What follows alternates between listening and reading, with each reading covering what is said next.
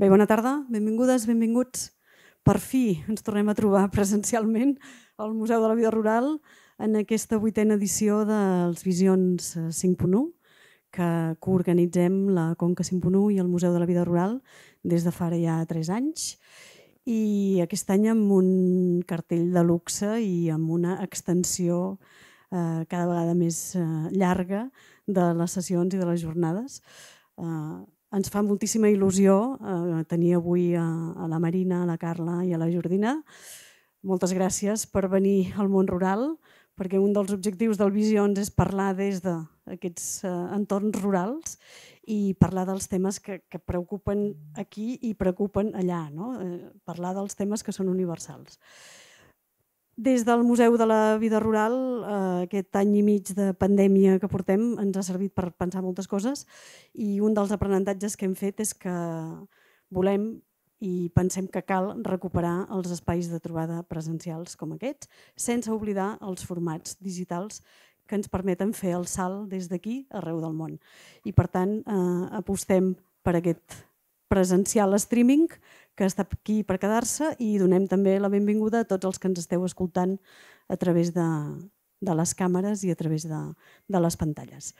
Uh, res més, jo dono la paraula a en Leandre, que és l'autèntic artífex d'aquest Visions, amb, amb sempre amb complicitat i amb aliança amb el museu, però qui és l'ànima i qui fa vuit anys que aconsegueix el que està aconseguint és Conca 5.1 i és en Leandre. Moltes gràcies i, i benvingut. I molt bé, moltes gràcies, Gemma, per aquestes paraules. Moltes gràcies eh, al Museu de la Vida Rural, a la Fundació Carulla, per, per confiar en el Conca 5.1, en el projecte de Visions 5.1 i per, i per ser tots aquí. I gràcies a tots els que avui estem aquí, que això que després de dos anys, avui tornem a, tornem a estar aquí, tornem a estar de forma presencial, que és un dels objectius bàsics també de Visions, aquesta presencialitat, aquesta comunitat, i per tant avui és un dia, un dia molt, estem molt contents de poder tornar, tornar a aquí, que l'edició anterior va ser tota virtual, aquest any en aquest format híbrid, i avui doncs, això, aquesta inauguració presencial, després de la inauguració virtual d'ahir, eh, és, un, és un plaer i és, i, és un, i és un honor,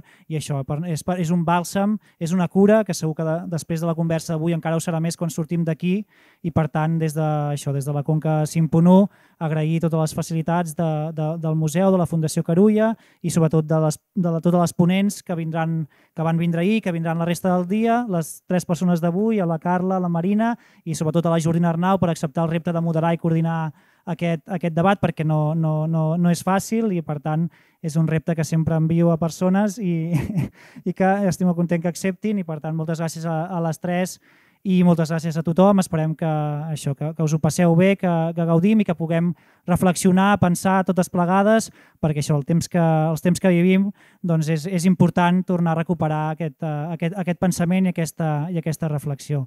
Res més, moltes gràcies i a gaudir de la vuitena edició de les Visions 5.1. Merci.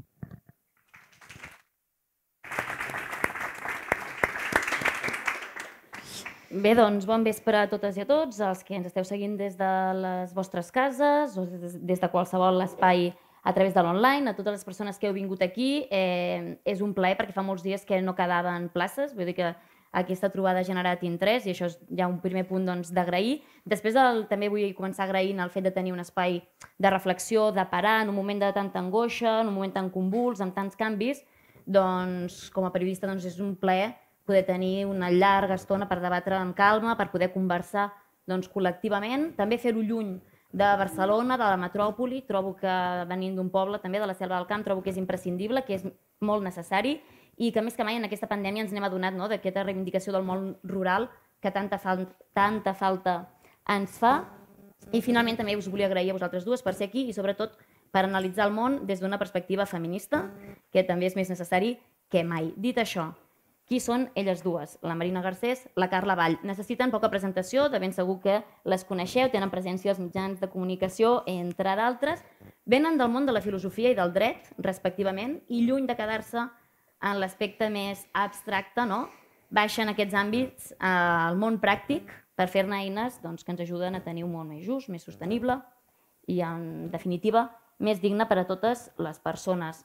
La Marina és filòsofa, assagista, és professora, la seva carrera va molt vinculada a l'ensenyament universitari de la filosofia, és professora de la UOC, També és impulsora de l'espai en blanc, és un espai de pensament crític i autora de llibres com Ciutat Princesa, Escola d'Aprenents i molts d'altres. Tens una llarga llista ja d'obres publicades. I la Carla doncs, és advocada penalista, criminòloga, experta en formar professionals en tot el que és l'àmbit d'abordar les violències masclistes i doncs, també fa una gran tasca de denúncia de tot el que és aquesta violència estructural a través dels mitjans.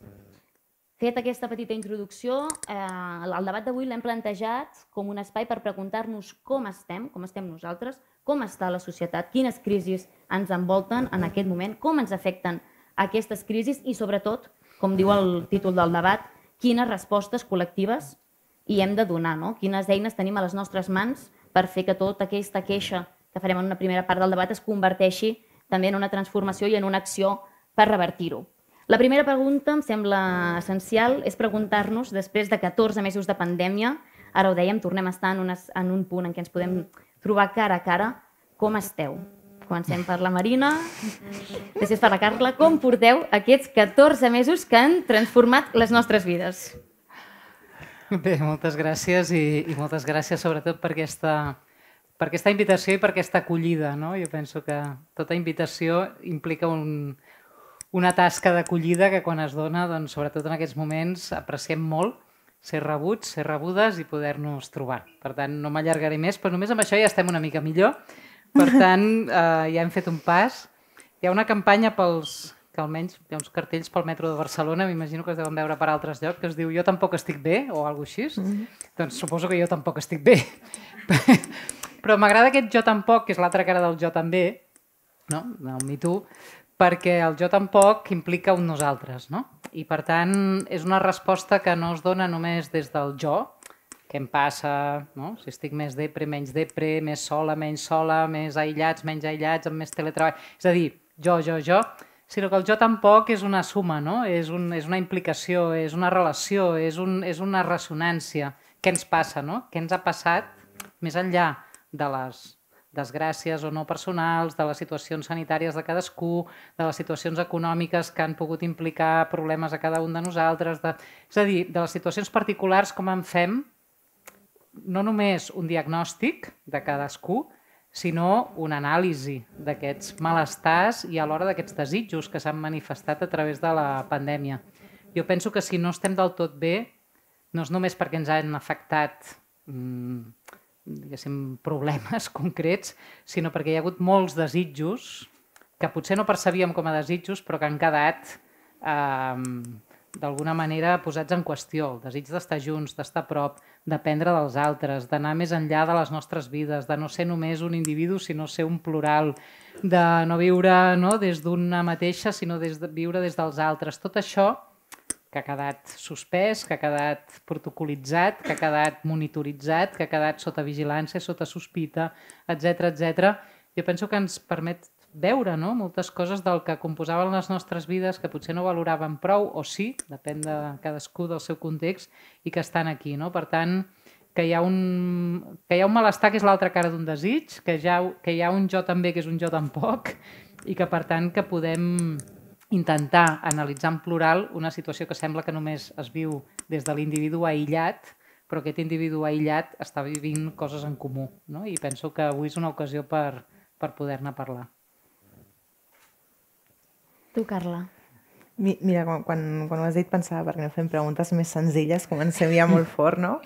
Um, jo també em sumo als, als agraïments i és veritat que l'acollida la, ha estat meravellosa, no? I, i, i la tendresa amb la que fa, fa molt de temps que ens seguiu doncs és, és increïble a mi també em va servir com per descobrir una mica l'esfera col·lectiva de per què no estàvem bé, no? Vull dir que era com, com una evidència. A mi em va tocar treballar amb, amb qüestions d'emergències, emergències que es donaven doncs, als, als domicilis, que estan actuant com petits búnkers que formaven part de la ciutat, però que en aquell moment estaven molt amagats i a mig estiu, quan ens van fer test als professionals, jo vaig ser d'aquest grup del jo tampoc, mm. eh, de prop del 80% dels professionals que vam donar positiu en, en angoixa, depressió o altres, o altres afectacions psicològiques, no? perquè vam descobrir um, coses que existeixen en la nostra societat que d'alguna manera preferiríem pensar que no existeixen o preferiríem no veure-les. No? I vam trobar-nos en episodis que, malgrat que ens dediquem normalment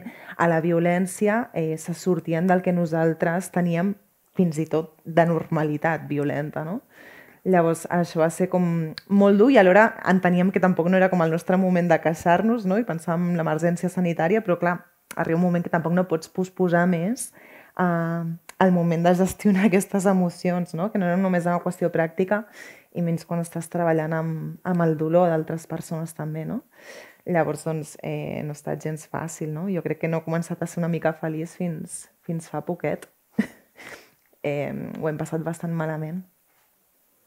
Sí, aquesta és una reflexió, mm. doncs, eh, suposo que de molts col·lectius professionals de la nostra societat. Si ara poséssim el termòmetre social, si tinguéssim una mena de termòmetre social, el poguéssim posar en cadascun de, de les vostres esferes, eh, laborals, vitals, quin, quin seria una petita imatge que en podríem extreure ràpidament per fer-nos una idea d'on estem? Tu ara començaves a dibuixar una mica aquest panorama, no sé si podríem posar una mica doncs, aquest termòmetre i, i quina primera fotografia ens donaria.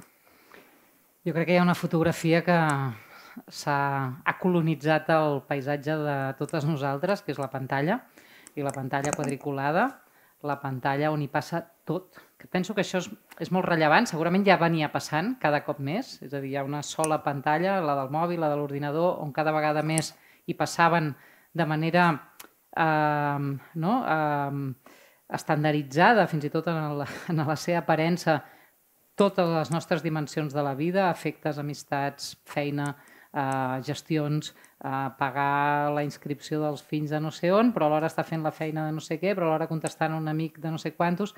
Això ara s'ha fet real com l'únic paisatge. Eh, l'únic paisatge vol dir l'únic paisatge, és a dir, l'únic paisatge, és a, el paisatge no és allò que anem a veure quan sortim al cap de setmana, és allò que ens envolta quotidianament i que no veiem. No? Jo crec que és aquest el veritable paisatge de les nostres vides.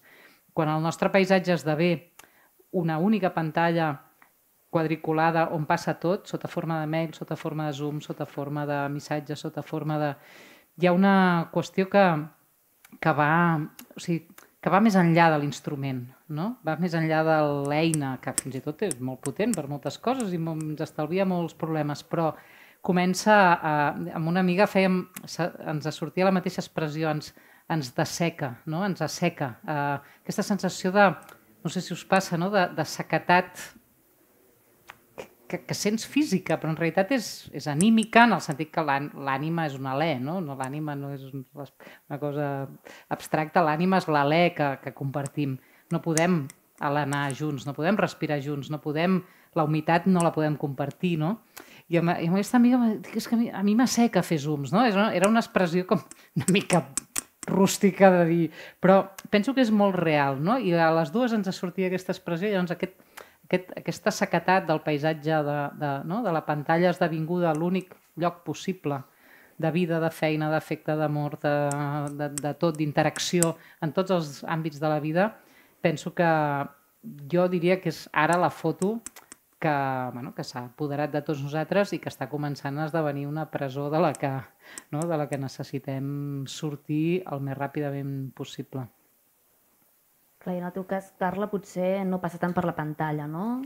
Clar, és que jo era escoltant la Marina i pensava eh, que curiós perquè en aquell moment a nosaltres ens passava, i quan dic a nosaltres mm. me refereixo personal d'emergències, mm. però sobretot a, a les víctimes que era com al revés, no? la, revés, la presencialitat era l'horror, no? Perquè significava o que estaves a comissaria o que estaves clar. al jutjat o que estaves fent algun, algun tipus d'atenció, no? Mm. I precisament eh, el que elles tenien batat era l'accés a les pantalles, clar, no? perquè l'accés a les pantalles suposava sortir fora el control dels agressors. Mm.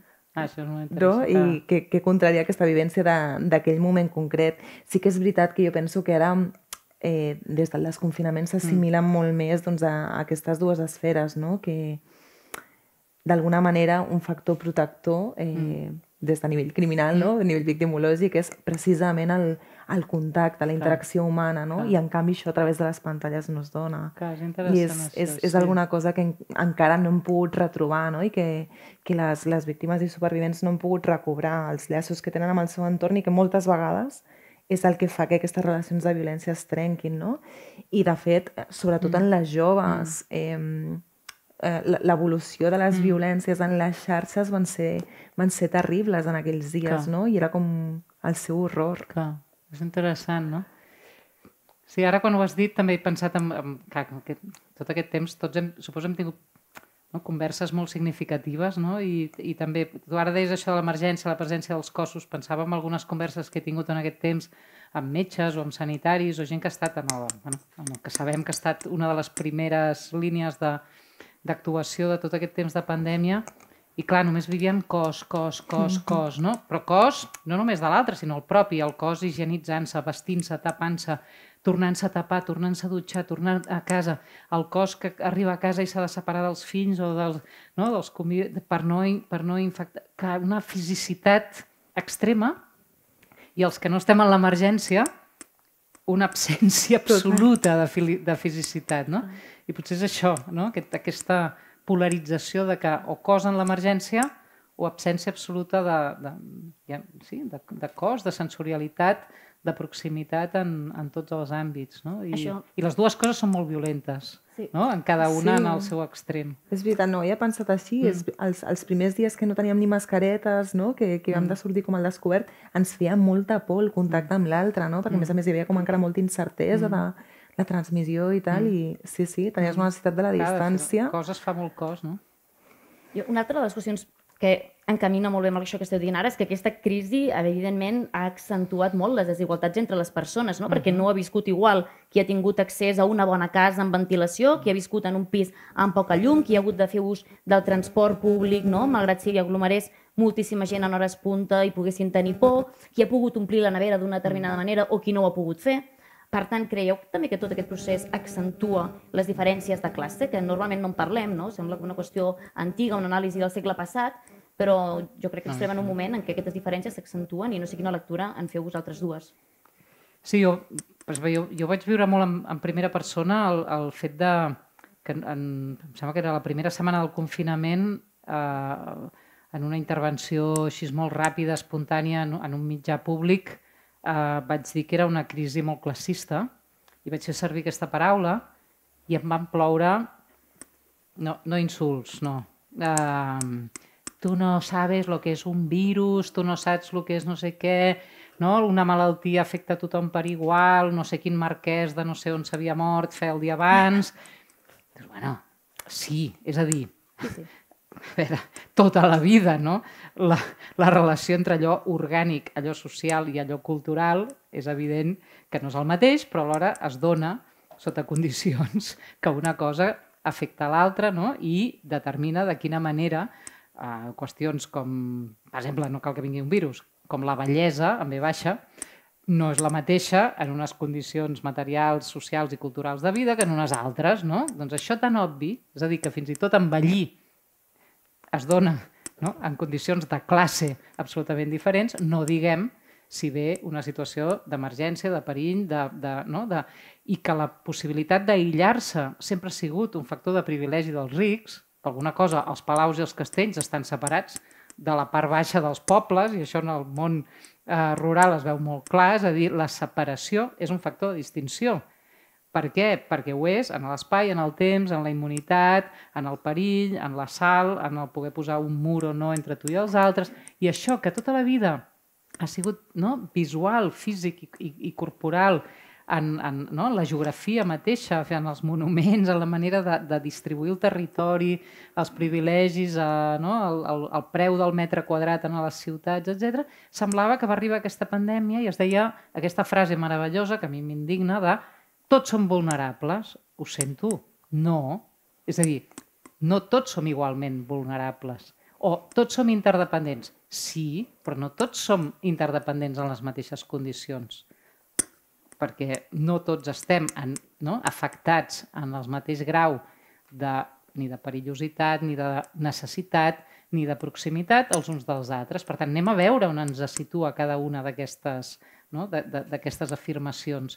I això penso que al principi potser no, no això, però en el llarg i difícil recorregut d'aquest any ho hem anat veient molt clar.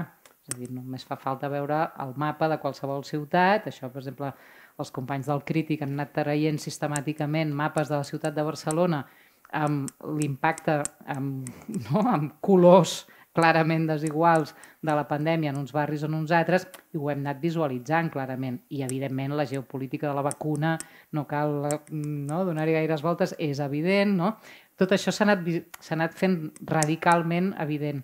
Però d'entrada semblava que tots, tots érem no, víctimes de la plaga bíblica aquesta que venia en nom de Covid i que estàvem tots exposats al mal. No, el mal es, es reparteix desigualment, com sempre.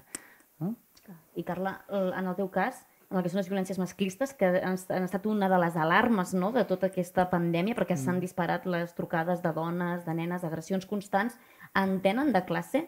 Uh, bueno, aquesta violència o aquestes violències estructurals en tenen de classe? Crec que no hi ha res de la nostra societat que pugui deslligar-se de classe. I, de fet, eh, els que ho negaven eren precisament els més alts privilegiats, no? Eh, ara, quan t'escoltava, recordava pues, els futbolistes fent aquests vídeos des de casa seva, no? Del plan, ens quedem a casa i som superfeliços i tal obviant que, per exemple, a la nostra societat hi havia situacions que eren eh, pura esclavisme, no? eh, dones que estaven lligades a tasques de cura eh, sense cap tipus de contracte eh, i que, per tant, s'havien de quedar en les cases no? fent de cuidadores, eh, sense cap tipus de suport, sense poder sortir, sense tenir un lloc alternatiu on anar. O sigui, és innegable que ser pobre ha suposat un factor de risc extra, no només a nivell de salut, sinó a, nivell també de, de, de riscos vitals lligats a la violència, no? Perquè és veritat, han augmentat molt les violències masclistes en l'àmbit de la parella, però també han augmentat moltíssim les violències sexuals contra els infants o han augmentat molt els casos de violència contra les cuidadores, no? Llavors, en aquest sentit, eh, penso que ha sigut un eix criminal eh, el creuament del gènere i la classe. Això ha suposat que el preu de la violència eh, durant la pandèmia l'haguem pagat les dones. I això és així, no? A més a més, eh, la nostra previsió durant el confinament era que eh, segurament els pics més alts de violència s'estaven donant al confinament estricte. I aquí ens vam equivocar i ens vam adonar que la violència s'havia desplaçat sobretot en el moment en què ens desconfinàvem perquè llavors, en el moment en què es podia recuperar la llibertat, els agressors necessitaven aplicar més violència de la que feien servir habitualment per mantenir el mateix control al que s'havien habituat durant el confinament estricte, que era el control total les 24 hores és, és, és mm. realment impactant, no? I, I a més a més són d'aquestes realitats que passen al nostre voltant i que suposo que també costa com a detectar i que com a professionals també costa d'actuar-hi, però si això continuem amb aquest primer anàlisi més de les crisis que ens envolten i anem mm. donant detalls per després a veure com ens afecten socialment i quines respostes i donem que entraria més en l'àmbit doncs, de la teva actuació a posteriori. Una altra cosa que hem vist en tot aquest procés i que sobta molt no? són, per exemple, els policies de balcó, no? les restriccions mm de drets fonamentals que ens haguéssim imaginat eh, com impensables en un altre moment. Estem cedint davant del control social en aquestes crisis que ens envolten o encara hi ha una resistència que es manté? Jo penso que hi ha les, les dues coses i de diferents maneres. És a dir, jo no, no faria mai l'anàlisi només unilateral de tots ens hem tornat policies, tots ens hem tornat psicòpates, la por doncs, s'ha doncs, ficat en nosaltres i s'ha convertit en una eina de control. El control s'exerceix de moltes maneres, sabem que és intern, que és extern, que hi ha des de protocols fins a això, no? el, el ressentiment que el veí s'ho passa bé i tu no. no? Per exemple, no? i que això des de la situació més quotidiana a la més, a la més paranoica. La cosa és en quina mesura, eh, i per mi eh, l'atenció està entre fins a quin punt hem entès que aquesta situació de vigilància era una situació de cura recíproca o de control dels uns sobre els altres. No? Aleshores, les accions poden semblar molt properes, però són contràries i antagòniques. No? Aleshores, ens hem, jo penso que això que va ser dit de hem sigut molt uh, obedients no? a les, a les, bueno, a, a les restriccions de la nostra mobilitat, llibertat, etc. Tal. bueno, jo diguéssim com a persona de tradició antiautoritària diria que sí, que hem sigut molt obedients, però també penso que hem respost col·lectivament a un desconeixement, venia una situació de la que cap de nosaltres que sigui una mica honest doncs no, ten, no tenia contraarguments per dir no, aquest virus no es contagia. Bueno, jo no ho sé, tu tampoc i tu tampoc. Per tant, una cautela respecte al desconeixement i després jo penso que també un sentit bastant, mm, bastant lloable de cura mútua. És a dir, si jo no sé si puc contagiar el meu pare, el meu veí, el meu, no, els meus amics, doncs em cuido d'això. Que això ve sota forma de restricció, que ha de venir verticalment. Per què? És a dir, aquí ve l'altra cara, no? És a dir, la cura mútua en relació a una situació desconeguda podia haver vingut d'una altra manera que no fos la de la imposició, la de la multa, la de la restricció, la de l'estat d'alarma, la de l'estat que s'imposa de manera policial i judicial sobre tots nosaltres, sinó d'una altra, segurament bastant més. No? Però és ambivalent, no? és ambivalent. Llavors, en, en aquesta ambivalència, en quin moment ens estem cuidant els uns als altres i en quin moment ens estem vigilant els uns als altres. I això penso que passa quan, eh, és a dir, la mateixa acció passa a ser cura dels uns als altres a vigilància dels uns sobre els altres quan no hi ha vincles de confiança. No? És a dir, quan tu, no, un pare o una mare sap que no l'has anat a veure per no contagiar-lo, però en canvi un veí no sap si no l'has anat a ajudar, eh, un veí que no coneguis gaire o que no t'estimis gaire, doncs perquè millor doncs, eh, li tens por. No?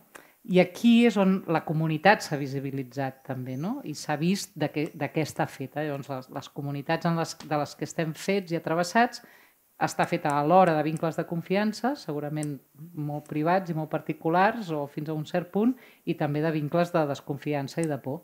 I hem estat actuant a, a un i a l'altre alhora. No?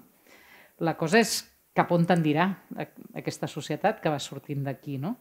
Eh, no? que es basarà més en relacions de desconfiança, de vigilància, de control dels uns sobre els altres, o més en relacions de cura, de suport mutu, de, no? fins i tot en la distància que, que hem necessitat crear dels uns sobre els altres. Clar, en aquest sentit, Carla, també volia preguntar-vos eh, quina valoració feu de la resposta que hem tingut institucional des dels ajuntaments, Generalitat, eh, Moncloa, àmbit europeu, eh, davant d'aquesta crisi, no? perquè hem vist restriccions que en aparença tenien molt poc sentit i canvis que no s'han explicat o que no hem entès. Mm -hmm vosaltres em, em responeu a la pregunta, moltes ajudes no? que han arribat tard i malament, molts sectors econòmics que s'han deixat de la mà de Déu que es diria, com podria ser el sector de tota la gent autònoma, tot el sector cultural, vull dir, hi ha hagut diferències mm. molt abismals entre diversos sectors econòmics, per tant, quina és la resposta, com valoreu la resposta institucional cap a nosaltres com a societat? Va bastant pel que apuntaves, no, Marina? De, de, S'hagués pogut fer d'una manera molt diferent, de, de mm, traslladar l'explicació a la població i que es generés una situació de consciència eh, pel compliment, perquè de fet quan tu estàs imposant unes mesures eh, que es dilaten moltíssim en el temps, eh, es dona un incompliment major perquè ens costa molt tenir mesures molt restrictives de manera sostinguda. Uh, I a més a més aquí hi ha una qüestió de gènere molt curiosa, que és que les dones som grans complidores de normes i no és per la sanció jurídica que hi ha darrere, sinó és precisament per la sanció social. D'acord? Que és el que ens fa com eh, més vergonya d'incomplir. Llavors, en aquest sentit, era molt interessant una peça que treia l'Enric Borràs eh, a, a, al cap d'uns mesos de pandèmia que deia el 95% dels infractors són homes. No? I en canvi, quan veiem els, els vídeos, fins i tot de, de trencament, no? jo que sé, vestits de tiranosaurus rex o disfressats i tal, ens feia com gràcia, no? i en canvi, quan el trencament doncs, era d'una dona, sí, sí que s'aplicava com més la sanció, no? que inclús es veien com més aquests insults dels veïns i potser eren dones que estaven passant les seves criatures perquè necessitaven que les criatures s'airegessin, no?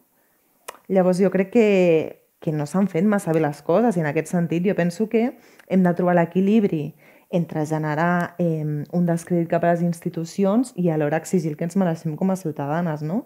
que és, eh, per exemple, doncs, que tinguem les actes públiques del Procicat, per dir alguna cosa, no? O sigui, de què estem parlant? S'estan prenent decisions de les quals no només no en som partíceps, sinó que no coneixem ni tan sols el contingut.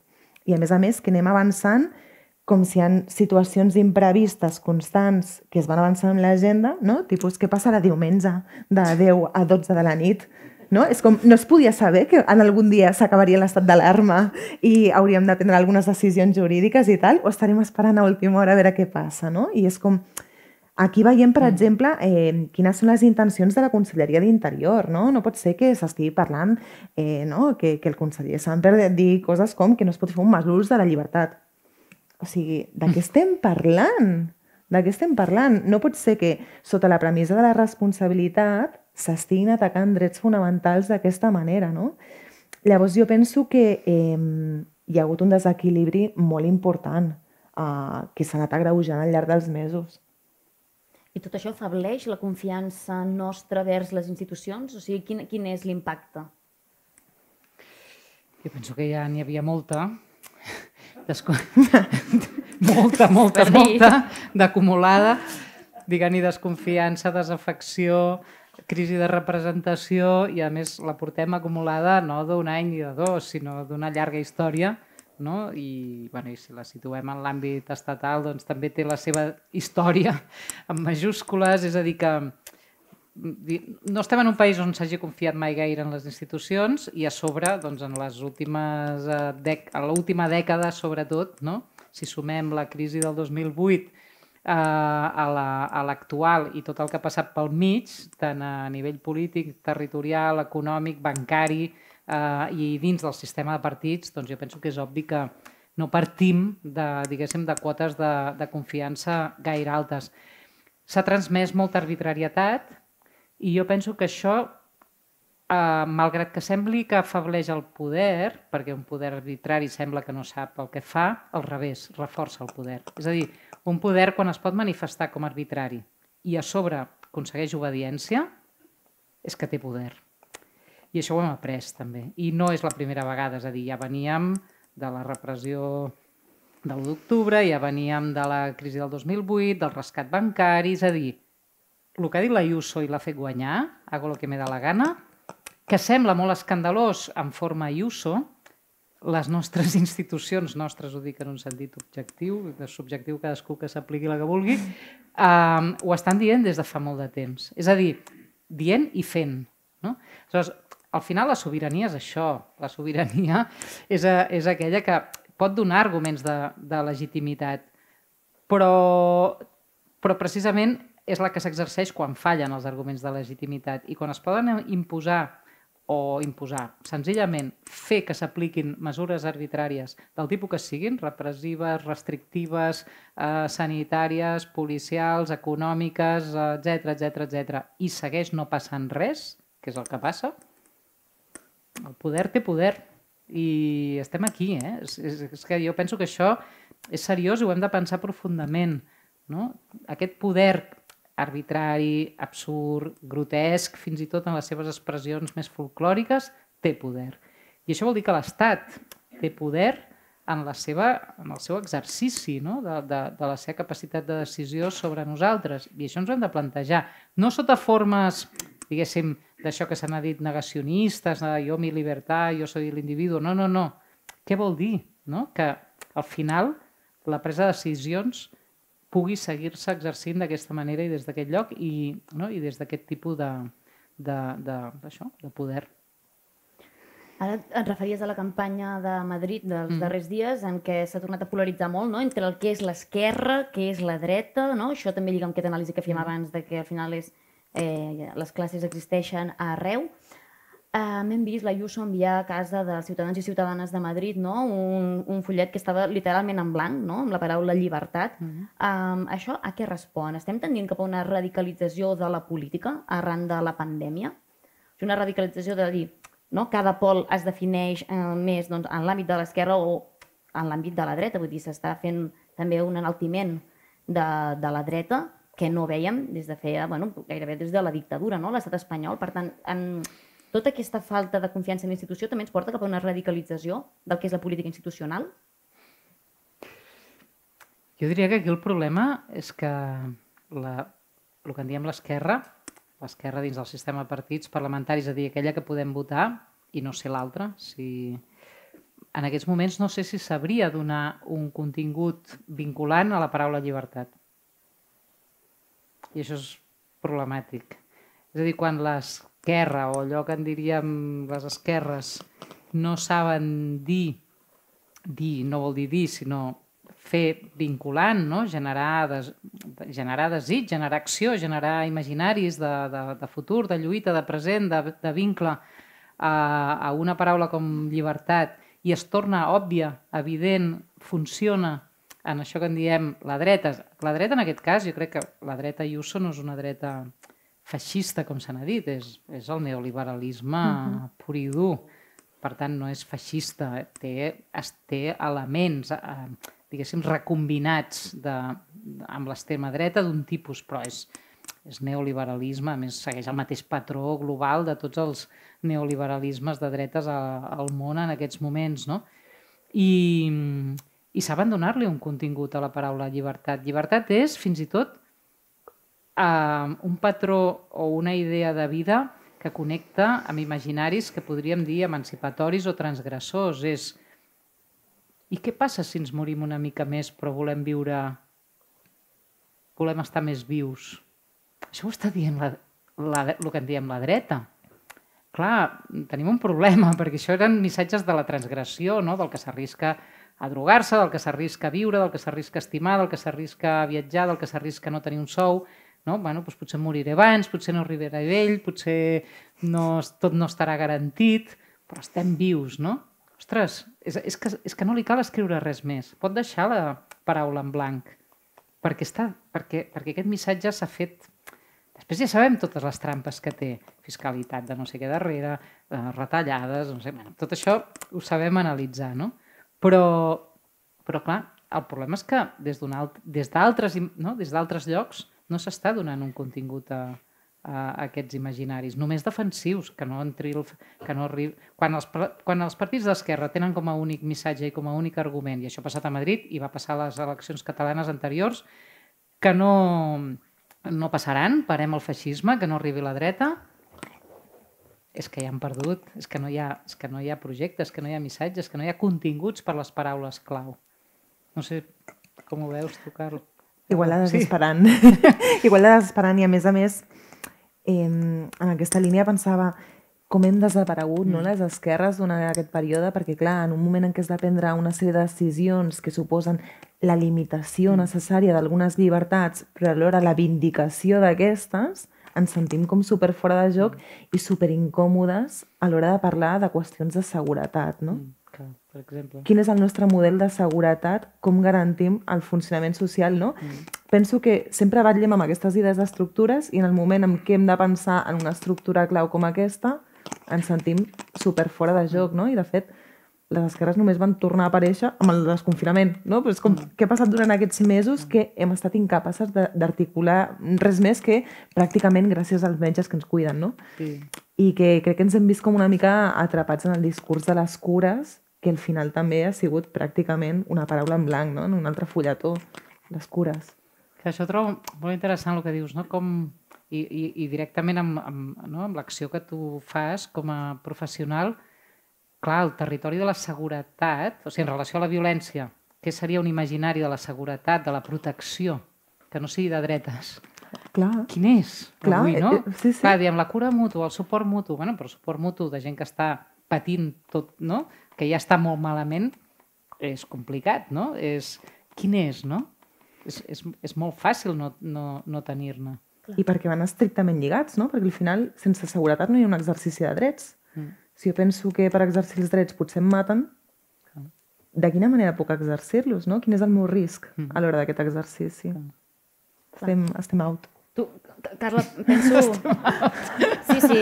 I, i per exemplificar-ho més, m'agradaria, tu que estàs en un àmbit que justament també has estat doncs, al capdavant d'aquesta crisi, vull dir, on, on més s'ha patit, no? Vull dir, dins les cases, on com s'ha patit aquesta violència, um, en quins escenaris t'has trobat? O sigui, quina és la realitat? Quines mm. eines tenim a Catalunya per fer front a aquestes violències? Perquè d'altra banda hem de dir, això també m'ho havia apuntat, que sembla ara més que mai, o hi ha una percepció, almenys jo la tinc, no? que sembla que s'estiguin efectuant ara més denúncies que mai de violència masclista, a part de tot el cas de, de la Rocío Jurado. Vull dir, hi ha aquest espai més mediàtic, però també hi ha una sensació a nivell de mitjans que les denúncies van en increment. Això no sé si és perquè estan fent millor les coses o tot el contrari, no? Llavors també et volia demanar tu aquesta fotografia de la realitat, de les eines i mecanismes que existeixen i com funcionen. Una cosa molt interessant que, que va donar certa esperança eh, en ple confinament estricte va ser que alhora s'estava donant eines a les professionals que estaven a primera línia per fer atencions eh, en situacions que s'assimilaven bastant a la tortura no? perquè va canviar la manera en què eh, s'exercien les violències masclistes. Llavors, clar, ens estàvem trobant amb coses que normalment no veiem. Coses que mm, potser sí que existien, però segurament que amb una incidència molt inferior doncs, perquè no existien aquestes oportunitats delictives que eren 24-7 amb, amb l'agressor. No? Eh, les esperances van ser que jo crec que mm, devem ser dels sectors on sí que hem tenir com un moment de... hem de parar perquè hem de parlar de, de, com, de com pensem a mig i llarg termini, no? perquè mm, crec que en el sector de les violències ningú està pensant en els 15 dies. ningú no? eh, teníem molt clar que, que això seria a llarg abast. I, per exemple, eh, van sortir grans idees, no? eh, tipus eh, les cases d'acollida i, per tant, tota l'emergència habitacional que està col·lapsada des de sempre perquè no hi ha recursos, ara com ho fem? Que està buit? Els hotels. Ah. Com s'habiliten els hotels no? I, i traiem de, de manera urgent a, a les, a les dones i les criatures que estan en situació de violència, no? Eh, o com pensem campanyes perquè siguin els veïns, no? els qui practiquin les denúncies, o com s'habiliten en els comerços pautes molt bàsiques d'actuació en, en, en, en casos de violència, no? que aquí ens van sorprendre perquè o sigui, llavors de cop les dones ja no anaven a fer la compra sinó que anaven els, els homes. No? Eh, llavors ens van fotre una mica aquest pla de, de prevenció en l'aire. Però eh, sí que és veritat que hi va haver un altíssim increment de, de les denúncies per part de tercers, no? eh, perquè ens en fem una idea. Eh, previ al confinament eh, estaven vora el 13% de casos eh, que eren denunciats per terceres persones que no eren la víctima, tot i ser un delicte públic, i en canvi es va doblar durant el confinament els avisos de, de veïns, no? que això que diem de truques per la música i no truques per crits i sempre yeah. saludava, això va canviar una mica, per sort, no? Crec que sí que es va fer una campanya molt forta de, de tercers. I jo penso que la gran joia d'aquest país és les servidores públiques que tenim. O sigui, van fer sostenible eh, situacions que eren increïblement dures i, de fet, ens vam adonar moltíssim de les necessitats de treballar en xarxa per acompanyar les violències, no? que no podia ser ni estrictament social ni estrictament jurídic i que aquest treball fragmentat que fèiem normalment doncs, era ineficient ineficaç i a més a més era absurd, no? pràcticament. Jo crec que sí que n'hem après alguna cosa i, i de fet ja estem com, començant a fer fins i tot formacions conjuntes no? per, per millorar la, la, la unitat en, en les atencions. I administrativament heu pogut canviar dinàmiques? Uh, o sigui, a els veure. murs de l'administració com... perquè tant de bo, el, el repte de tombar el yeah. règim del 78 no el podíem dur en aquests dies, però yeah. uh, estirant una mica les cordes, sí que és veritat que amb la incertesa de que potser eh, alguns caps polítics mm. estaven com amb, amb la mirada cap a una altra banda, vam trobar mm. unes esquerdes que normalment mm. no hi eren, no? De, que el personal tècnic doncs, que sí que coneix més els, els àmbits que ha de trapitzar, mm. tenia un marge d'actuació que normalment no tenia. Mm. I llavors jo crec que aquí sí que vam fer com un petit pas en què, a veure, fins, fins on mm. podrem allargar-lo, no? però que a dia d'avui jo crec que encara es nota. Yeah. Encara es nota. I que algunes coses han canviat també a nivell de dinàmiques de, fins i tot de violència institucional, yeah. saps? De, tots ens estem mirant molts més els uns als altres, no? Yeah interessant. Una paraula que hem anat repetint no, molt tot aquest temps és crisi, que com deia la Marina no és nou, perquè des del 2008, mm. almenys jo que tingui consciència, no, la crisi és una constant de la meva vida, suposo que qui té doncs, més edat això ve de més enrere. En tot cas, ara n'hem analitzat unes quantes en aquest primer bloc, no? Vull dir, hem parlat de crisi entre sectors econòmics, de crisi social, crisi pel que fa a les condicions de vida eh, desiguals entre les persones, eh, què ens suposa en una societat tot el dia estar parlant de crisi, tenir la sensació que vivim en crisi permanent? O sigui, quin és el preu social de tenir aquest horitzó de que tot és crisi, mm. no? Vull dir que no veiem un més enllà. Penso que el, amb el, la normalització del terme crisi eh, és un símptoma clar del capitalisme en el que vivim, és a dir, un capitalisme que s'ha instal·lat en la devastació de les pròpies condicions de vida. És a dir, és això que, no? que se'n diu aquest capitalisme desbocat, aquest capitalisme global ja totalment eh, desaforat, salvatge, etc. Eh, no només són metàfores, és a dir, és un capitalisme que ha passat, fixem-nos, en molt poques dècades a parlar de desenvolupament, encara que fos un terme jeràrquic, vertical, no? dit des del primer món sobre la resta de, de països, etc a parlar de, de crisi com a com a normalitat, no? no com a interrupció, no com a excepció, no com a moment d'excepcionalitat, sinó com a la seva pròpia condició. I això penso que és interessant, de, de, diguéssim, de, no, no d'apartar el terme, de dir no és una crisi, és una estafa, no és una crisi, és... no, no, no, és que és el capitalisme de la crisi feta, mm, feta règim, sistema i, i, i normalitat. No? Aleshores, un capitalisme que ens posa en crisi constantment, ens posa en crisi econòmicament, això en diem precarietat o precarització, ens posa en crisi ambientalment, i això en diem doncs, eh, tots els noms que tenim per anomenar l'estat del, no només del planeta com a natura, sinó de les nostres condicions de vida materials, etc. Ens posa en crisi mm, psíquica no? I, i, i, i, i, personalment, ens posa en crisi socialment perquè es basa, no? basa la seva acció en trencar contínuament el vincle social, Aleshores, jo penso que, diguéssim, més que mm, descartar el terme, jo penso que l'hem d'aprofundir i dir, sí, és el capitalisme de la crisi, no és la crisi del capitalisme, és el capitalisme de la crisi i que ens vol fer viure en crisi permanentment. I el que viu en crisi permanentment només té dues sortides. O salvar-se a si mateix, no? a veure què és aquesta competitivitat que ja no es basa només en veure qui té més èxit, sinó a veure qui no cau abans, no? qui no cau per temes de salut, per temes de violència, per temes econòmics, per temes del que sigui, i per tant, Uh, I de la reconstrucció, economia de guerra constant. Jo penso que això ho estem veient ara ja molt clarament amb la pandèmia i amb el tema ambiental és el mateix. O sigui, la Green Revolution és economia de guerra i de la reconstrucció. El que ara vindrà amb la pandèmia és el mateix. És a dir, quan hem vist en segles anteriors què passa després d'una guerra, és a dir, com desembarquen en un país va ser el Pla Marshall a Europa, però després ho hem vist a Síria, ho hem vist aquí, ho hem vist allà, les forces reconstructives a, a fer-se a generar beneficis sobre la runa, la devastació eh, d'un determinat ecosistema de vida social, etc etc. Això ara és el present constant del capitalisme global. No? I jo penso que això vol dir crisi. No? Per tant, és el, és, la, és el nostre sistema, no és la crisi del nostre sistema. I aquí el que hem de desenvolupar són maneres de, no, de, no de sobreviure en la crisi, sinó realment de, de, de travessar-la i de, no? i de tornar-la eh, contra aquestes condicions. Sí, ara entrem en aquest bloc de respostes perquè és el que, la pregunta que tota l'estona vull fer, però bueno, primer també, també és, és, entenc que, que la compartiu, eh, però també era la, la gràcia de poder analitzar mm. prèviament d'on venim per també després a veure com encaixem totes aquestes espècies i tots aquests elements que fallen d'aquest sistema per uh -huh. quina resposta hi donem. Abans d'anar al bloc ja de respostes, que el temps se'ns tira una mica a sobre, eh, sí que volia fer-te una pregunta, començant per tu ara, Carla, que és en, en tot, bueno, ara el tema que està sobre la taula és el de la salut mental, no? com el de la gran afectació transversal que està deixant aquesta pandèmia i es comença a veure en xifres. Ens diuen que ens cuidem, però ens podem cuidar realment en aquesta societat?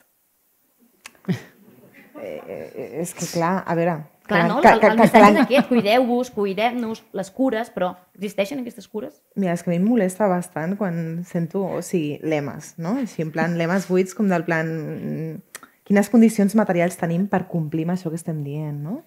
Eh, veient les taxes d'incidència, per exemple, en els més joves, no? com han augmentat, no? que, que està a vora el 40% eh, d'atencions, eh, veient eh, que, per exemple, tenir accés a un psicòleg eh, depèn de si tens eh, l'economia suficient com per poder pagar-te eh, sessions setmanals, quinzenals o quan sigui, no? perquè eh, en, la, en la sanitat pública doncs, continua sent eh, la gran oblidada.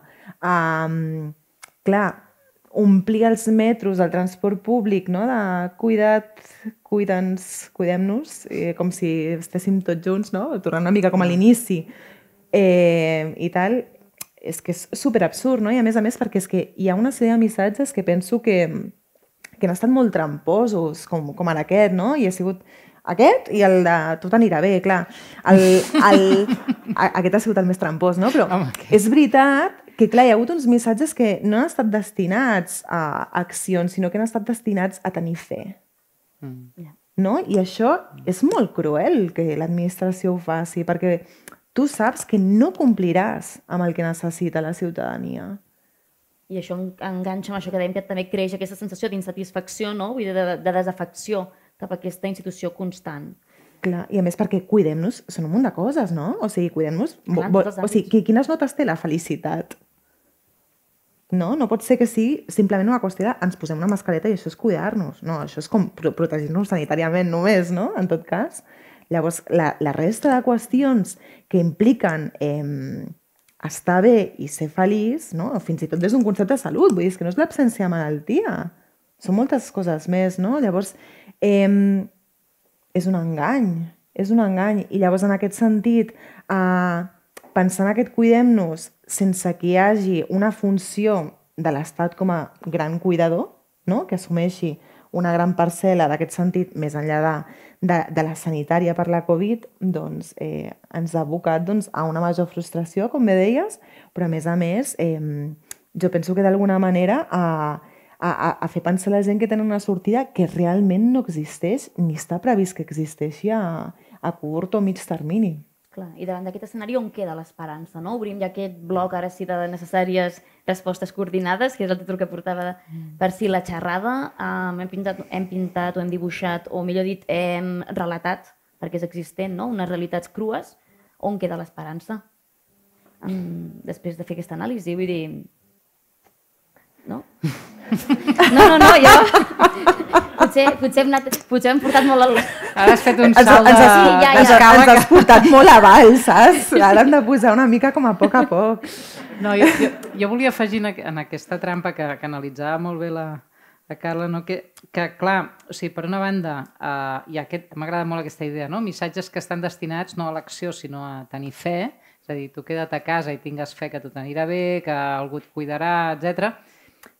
Però és que, a més, hi ha una altra cara d'això, no? que el, aquest, diguéssim, aquesta estructura mínima de cures eh, que posem en mans d'allò que en diem, és igual, l'Estat, allò públic, el sistema doncs, eh, no?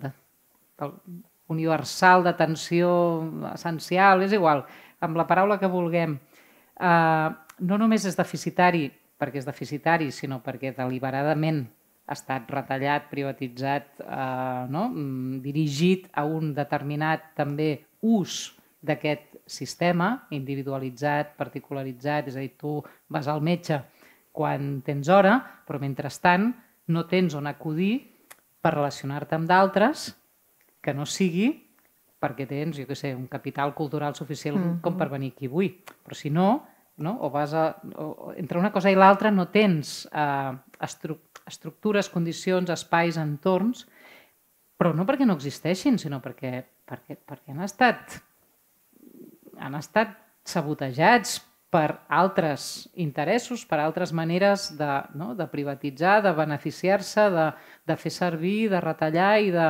i de privatitzar la, allò que en diem l'espai públic. L'espai públic no és, no, no és l'espai estatal, són tots aquells espais i temps que fan possible que estiguem junts de diferents maneres. No? Aleshores, clar, quan el gran debat sobre l'espai públic són les terrasses, no cal dir res més. És a dir, si l'única manera en què lluitem per estar una miqueta més junts i podem notar que alguna restricció desapareix i que algun espai més de vida podem conquerir és que ja podem ser en lloc de 4, 6 i en lloc de 6, dues bombolles o 3 o 5 o les que siguin en una terrassa consumint, pagant, bevent alcohol si pot ser i, uh, no? I, i, i funcionant dins d'això, i si no, te'n vas al metge, que tampoc podrà atendre perquè no pot més de, de tot el que ha de fer, i si no, clar, dius, que, que, com? Sigui, no, no és, és, és, uh, no és, és, és que la trampa és doble, no? o triple, o, o, o, o multiplicada per moltes dimensions. No? Aleshores, hi ha, una, no? hi ha un embut que va tancant l'individu o bé en el seu aïllament o bé en la seva capacitat de consum, ja sigui de psicòleg, de terrassa, o del que sigui, que fa que entremig no hi hagi res. No? I aquest res és el que sembla que és la teva impotència. Jo no, no, jo no, no, no sé amb qui parlar, no sé on estan els meus veïns, no sé on anar, on sortir al carrer, bueno, però què és el carrer avui? Els carrers seran sempre nostres. Què són els carrers avui? Però no en pandèmia, amb capitalisme, amb, no? amb, amb, amb, amb, amb, avui he passat per Reus al migdia. Reus és una gran terrassa tot Reus és una gran terrassa. Barcelona, evidentment, però ja he vist que ho veig cada dia. Però és que, clar, quan veus un espai més petit i fa goig de veure tanta gent junta. Però quan dius, ostres, però com, està, com estem junts? No estem junts, estem consumint cadascú amb els seus a cadascú en el seu nivell, en el seu...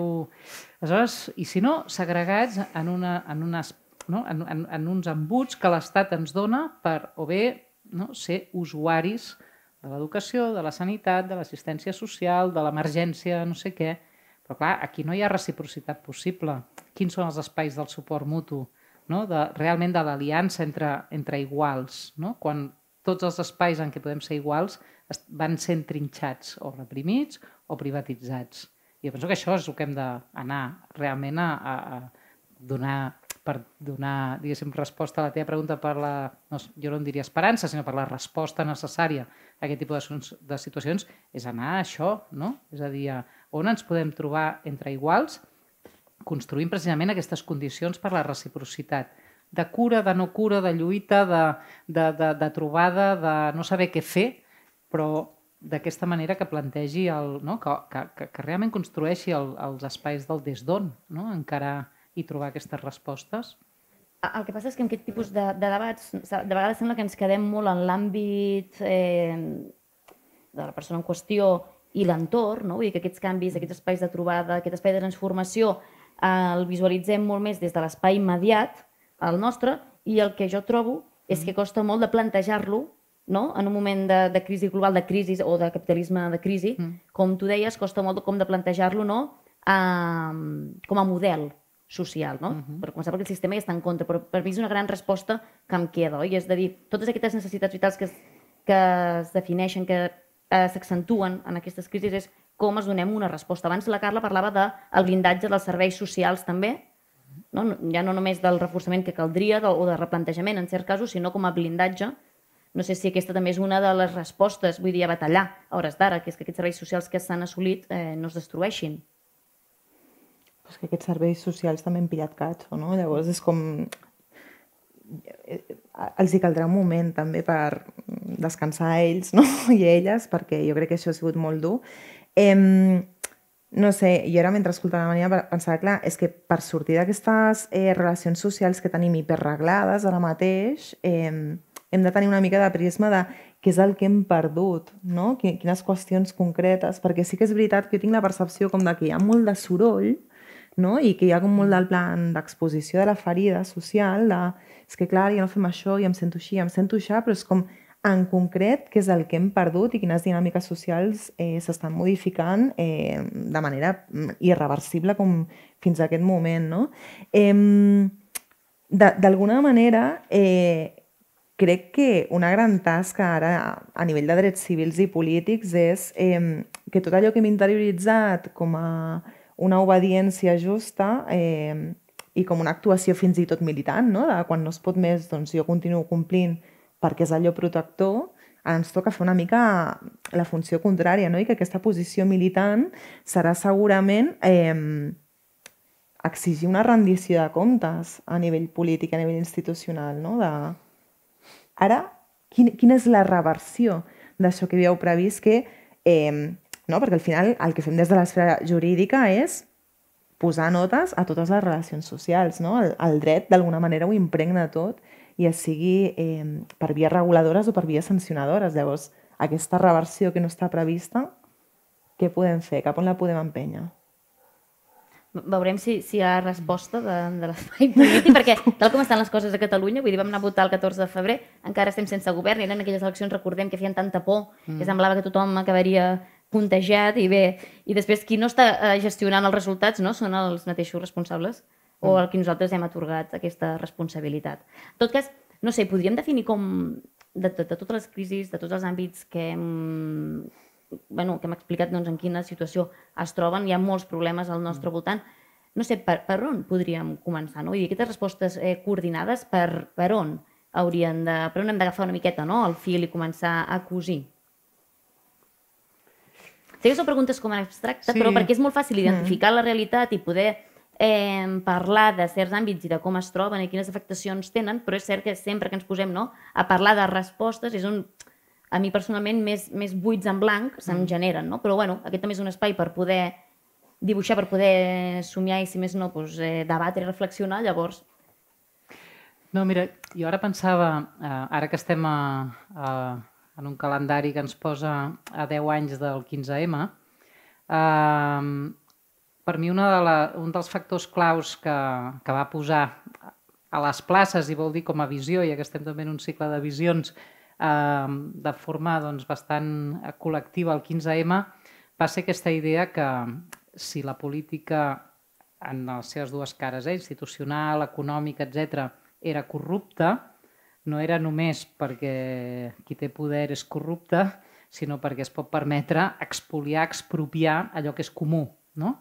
I que, per tant, l'Estat no era propietari d'allò que en diem públic, sinó que, en tot cas, era parasitari no? D'allò que en diem públic si ho entenem com a comú. I penso que el 15M va ser molt revelador en aquest sentit. No, no només va acusar de lladres, d'estafadors, etc a una determinada classe política, sinó que va visibilitzar que hi havia unes estructures que feien possible allò de tal manera perquè no enteníem que allò que és de l'Estat és nostre. No? Que l'educació, o sigui, que que si defensem l'educació pública o l'atenció pública o la sanitat pública, no sé què, no és perquè estiguem defensant a ells, a l'Estat, sinó perquè, perquè, perquè som nosaltres, no? aquest nosaltres que va aparèixer a les places, que va aparèixer i que no, no era el nosaltres només dels militants, era el nosaltres d'allò comú, no? i que per tant hi havia una connexió entre, entre no? un sentit d'allò públic que se li sostreia a l'Estat i retornava d'alguna manera allò que se'n va dir allò comú, o la societat, o, de, o el nosaltres, o, o digue-n'hi com sigui. Jo penso que amb la pandèmia ha tornat a passar una cosa similar quan es va començar a parlar de, de què és essencial. No? Es va tipificar molt en béns essencials, perquè bueno, tu saps millor que jo, doncs es va protocolitzar molt què és essencial, què no és essencial, però sí que va aparèixer com una pregunta no? com, una, com un efecte de... Bueno, I què és essencial en les nostres vides? No? Quan s'aturen, quan a, a, a, quan, quan, quan es veuen des d'un lloc que no és el d'aquella normalitat que es va aturar. I essencial no només apareixia el, diguéssim, el, la, la, no? la, la possibilitat de protegir-se cadascú, sinó moltes coses que tenien a veure també amb uns àmbits comuns de vida, com per exemple poder baixar a comprar a, no? a una botiga d'alimentació, que hi hagués una persona que t'atengués, que hi hagués un... I això va fer un efecte de visió també no només dels serveis públics, sinó de molts elements, o quan els bars han estat tancats, qui pot anar al lavabo en una ciutat quan els bars estan tancats? Ningú, no? Per tant, també van aparèixer elements essencials que a vegades estan en mans privades, petites, etc, que, no? que, que fan que l'entremat de la vida dels uns amb els altres eh, sigui possible. No? Això és nostre de quina manera? I si és nostre, és a dir, no només de cadascú segons el seu eh, privilegi, sinó que és nostre, com ens en podem fer càrrec en comú, no? els uns amb els altres, de, de forma que realment no depengui de la lluita dels uns contra els altres, sinó de, no? del, del fer-nos en càrrec junts. Penso que són dues visions connectades que tant en un cas com en, en l'altre ràpidament es perden. No? És a dir, 10 anys després del 15M no només eh, no s'han resolt totes aquelles visions que va tenir el 15M, sinó que en cada una d'elles segurament podríem fer un diagnòstic de que estem molt pitjor. En la pandèmia, en aquest any que portem, estem veient que precisament tot allò que vam veure que és essencial no? en, perquè una vida en comú tingui lloc i sigui possible, no només està tornant a aquella normalitat que era el problema, sinó que s'ha greujat. No? però la visió, o sigui, però, però, però podem connectar aquestes dues visions i no fer-ne utopies. Jo amb això diria, animaria a ser utòpics, sinó a clavar-nos en el present en el que vivim, que està fet del dia a dia totes aquestes violències que fan que s'interrompin aquestes visions i que cadascú només respongui des de la, des de la, no? a la defensiva del, del seu petit espai i que les fem nostres, les fem nostres des d'organitzacions de tot tipus. Des de... Jo crec que els models sorgeixen sempre de les lluites concretes. És a dir, des, del, no? des de cada lluita concreta emergeixen uh -huh. els models i no al revés, sempre que les lluites concretes s'entenguin no com a lluites particulars, defensar lo meu, sinó, no? sinó precisament relacionar-nos amb allò que és comú, amb allò que és essencial, amb allò que necessitem, fins i tot si jo no, no ho necessito. Potser jo em puc pagar una mútua, però vull que existeixi una sanitat pública no? que faci possible que la, la salut no sigui només meva. Potser jo em puc pagar un globo, però mm, no? la botiga de sota casa ha de seguir oberta. Per... És a dir, aquest, aquest element jo penso que el tenim sempre molt, en cada un d'aquests moments l'hem tingut molt a prop. I hi ha hagut un moment que s'ha fet eh, d'alguna manera, experiència eh, compartida. Jo crec que la tasca és des, de, no? des, de la, des de tots els àmbits fer d'aquesta experiència compartida un pas cap a la transformació i no només un moment de visió de oh, vam, no? vam, vam veure que una altra cosa era possible. No? Vam veure que una altra moneda era possible. Vam veure que i no, doncs, si ho hem vist, és que, és, que, és que ens passa, no? I si ens passa ens n'hem de fer càrrec d'alguna manera.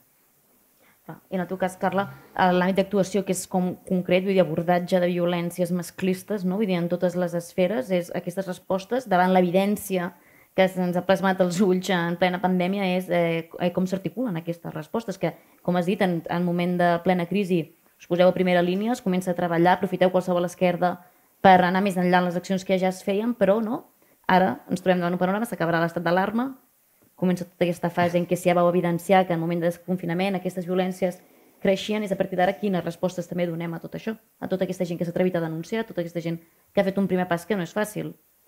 Clar, i ara, escoltant la Marina, pensava, és que eh, pensant en, en, el frau que han patit les víctimes de violències eh, en sentit ampli eh, durant aquesta pandèmia, d'alguna manera eh, és l'ocasió d'exigir-li de, a les institucions que, que es compleixi amb el que necessitem, que al final és una qüestió material tipus recursos, mm. no? Eh, I que, de fet, una cosa que, que hem vist molt de prop és, o, o que de vegades parlant entre nosaltres hem fet càlculs de, doncs mira, aquests 1.300 milions que s'han destinat a Vertis, no? o que es preuen a Vertis, o aquests no sé quants que n'hi han dirigits al DIR, això suposava tal, no? i això és diner públic. Com pot ser que no tinguem cap tipus de control sobre aquest tipus de decisions, no?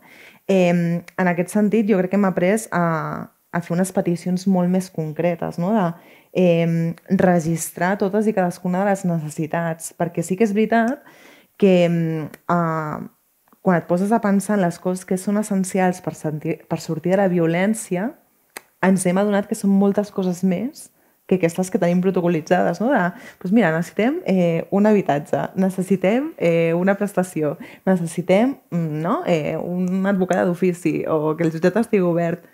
Clar, és que es necessiten, per exemple, uns llaços de suport que et permetin sortir d'aquí.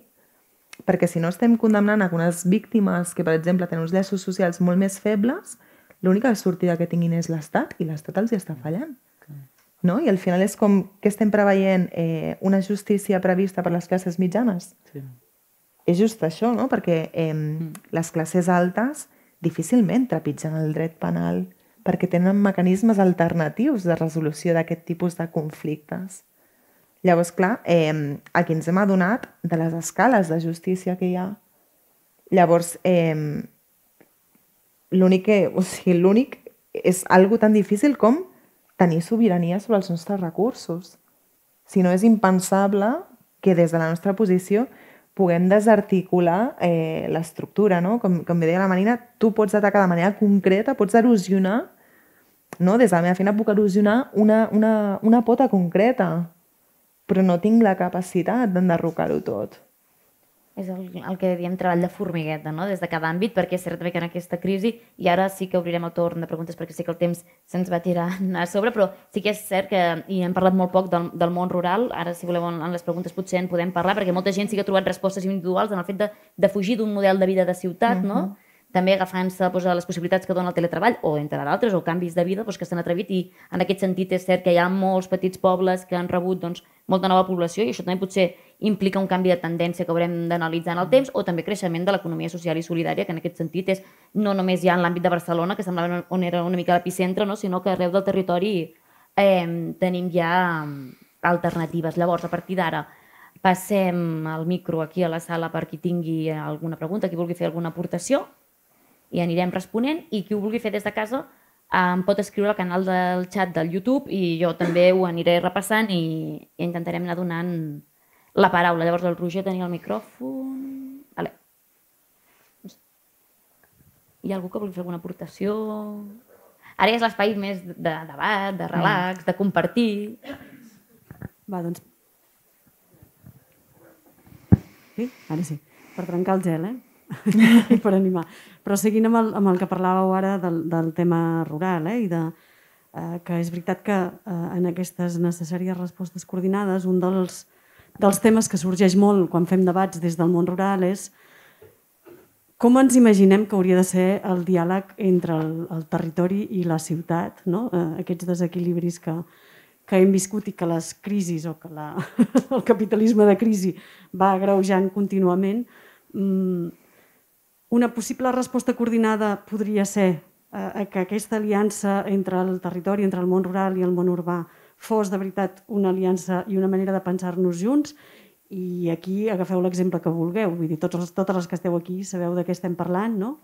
Parcs eòlics eh, molt grans, eh, destinació del món rural com a lloc de pati per a la gent de Barcelona, o realment ens posem a pensar com ens distribuïm en el territori d'una manera més equitativa per intentar trobar alternatives eh, en clau del que tu deies, eh? també Jordina, d'economia solidària, d'altres maneres d'estar eh, en, els, en els llocs, etc etc.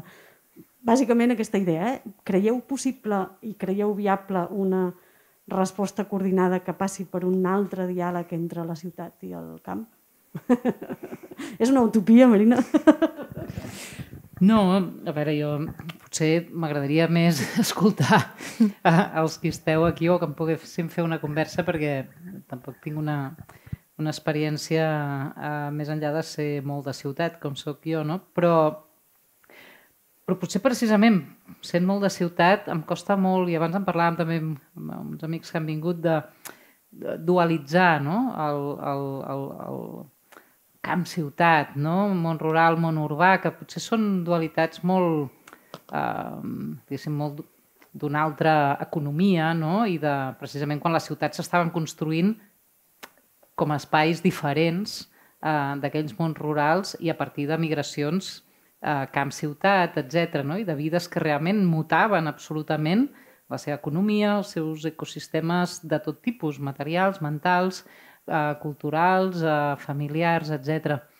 Clar, en aquests moments, potser la pandèmia també ens ajuda a veure eh, que molt clarament, però ja era evident, vull dir, que, perquè parlem molt de la pandèmia, però estem i estarem i seguirem estant en aquestes crisis fetes present i, no, i condició, en una crisi ambiental que no és ni del camp, ni de la ciutat, ni del món rural, ni del món urbà. És d'un no, planeta alhora extremadament urbà, però urbà que viu de la, de la resta de recursos del planeta. No? I si parlem d'energia, si parlem de recursos, si parlem d'alimentació, si parlem de moviment, si parlem de mobilitat, si parlem de, de, de, de l'aire, si parlem de l'aigua... Aleshores, clar, jo penso que no és que hi hagi d'haver una aliança entre dos eh, subjectes externs l'un a l'altre, sinó des d'on ens pensem, no? cadascú i en relació a què. I això a nivell global penso que és evident, parlem d'energia, alimentació, aire, aigua, etc. Però després a nivell concret, clar, hi ha hagut, per exemple, molts dels èxodes pandèmics cap al camp, no, jo és que ara visc al camp, no sé què. Ah, eh, vius al camp, ets company meu de la UOC i segueixes treballant de lo mateix que jo. És a dir, eh, no sé si vius al camp, és a dir, potser físicament ara a casa teva està en un poble que està a mitja hora, una hora o tres hores, més igual de, de, de la ciutat que sigui, eh? perquè no, l'única ciutat d'aquest planeta no és Barcelona, perquè hi ha moltes de vides urbanes eh, de, de, de diferent escala. Aleshores, què vol dir vivim? No? Jo, exemple, he viscut molts anys a, a Barcelona treballant a Saragossa. Clar, són dues ciutats, però m'he mogut més que si hagués viscut al Pirineu. Uh, no sé, què, què vol dir no? la, la relació entre l'espai, el temps, l'activitat laboral, la vida econòmica, els efectes, el, allà on et situes mentalment, els teus referents uh, afectius, culturals, el teu coneixement del medi, de la, de, de la matèria, no? de, de, si vius al camp i igualment vas a comprar al Mercadona i et mous uh, no? i treballes a la UOC, doncs no sé si vius al camp. Doncs no sé, m'és igual, no sé, saps? Aleshores, uh, que, que, aquest viure Penso que l'hem de conjugar de moltes maneres i ja no dualitzar-lo, tampoc unificar-lo, sinó diversificar-lo i, i, i, i, i vincular-lo no? a, a, les, a les crisis que ens atravessen i a les necessitats que tenim de, de, de situar-nos des d'aquí. Sí, no sé si hi ha alguna altra pregunta. Si no, en tot cas, hem vist que, només per preguntar, però sí que hem vist que en tota la pandèmia s'ha tractat igual un petit poble dels Pirineus que una gran ciutat. Mm -hmm. És a dir, que les mesures, quan parlàvem de si tenien coherència o no tenien coherència, és que s'ha homogeneitzat molt no? tot el territori i que en cap cas eh, s'han tingut en compte com les condicions específiques de cada un de, dels espais, que això també és una cosa que he comportat com greuges. Totalment. Eh... Jo, jo només volia fer un petit apunt en aquest sentit, perquè um, pel que fa a les violències, les dones han patit el procés contrari, o sigui, les hem hagut de treure dels pobles perquè no hi havia serveis, no? l'administració pública i el llocs on no existeix, i ens les hem hagut d'endur a ciutats no? per fer-les anònimes, per, per confondre-les en, el, en el territori, vull dir, és superbèstia. Interessant, això. Sí. Bueno, és que les realitats no. Mm. Hi ha qui té i surt de la ciutat en busca d'una vida tranquil·la, calmada, ni que treballi a la UOC, i qui s'ha d'escapar. I qui El puntet dels neorurals. Exacte, del poble. La Carlota. Jo per de formació professional me n'aniré cap a l'àmbit del discurs perquè m'apassiona no? i, i m'ha cridat molt l'atenció quan parlàveu d'aquests discursos de fe i us volia preguntar no pels discursos de fe, sinó pels discursos bèl·lics no? que hi van haver a l'inici també de, amb l'esclat d'aquesta crisi sanitària.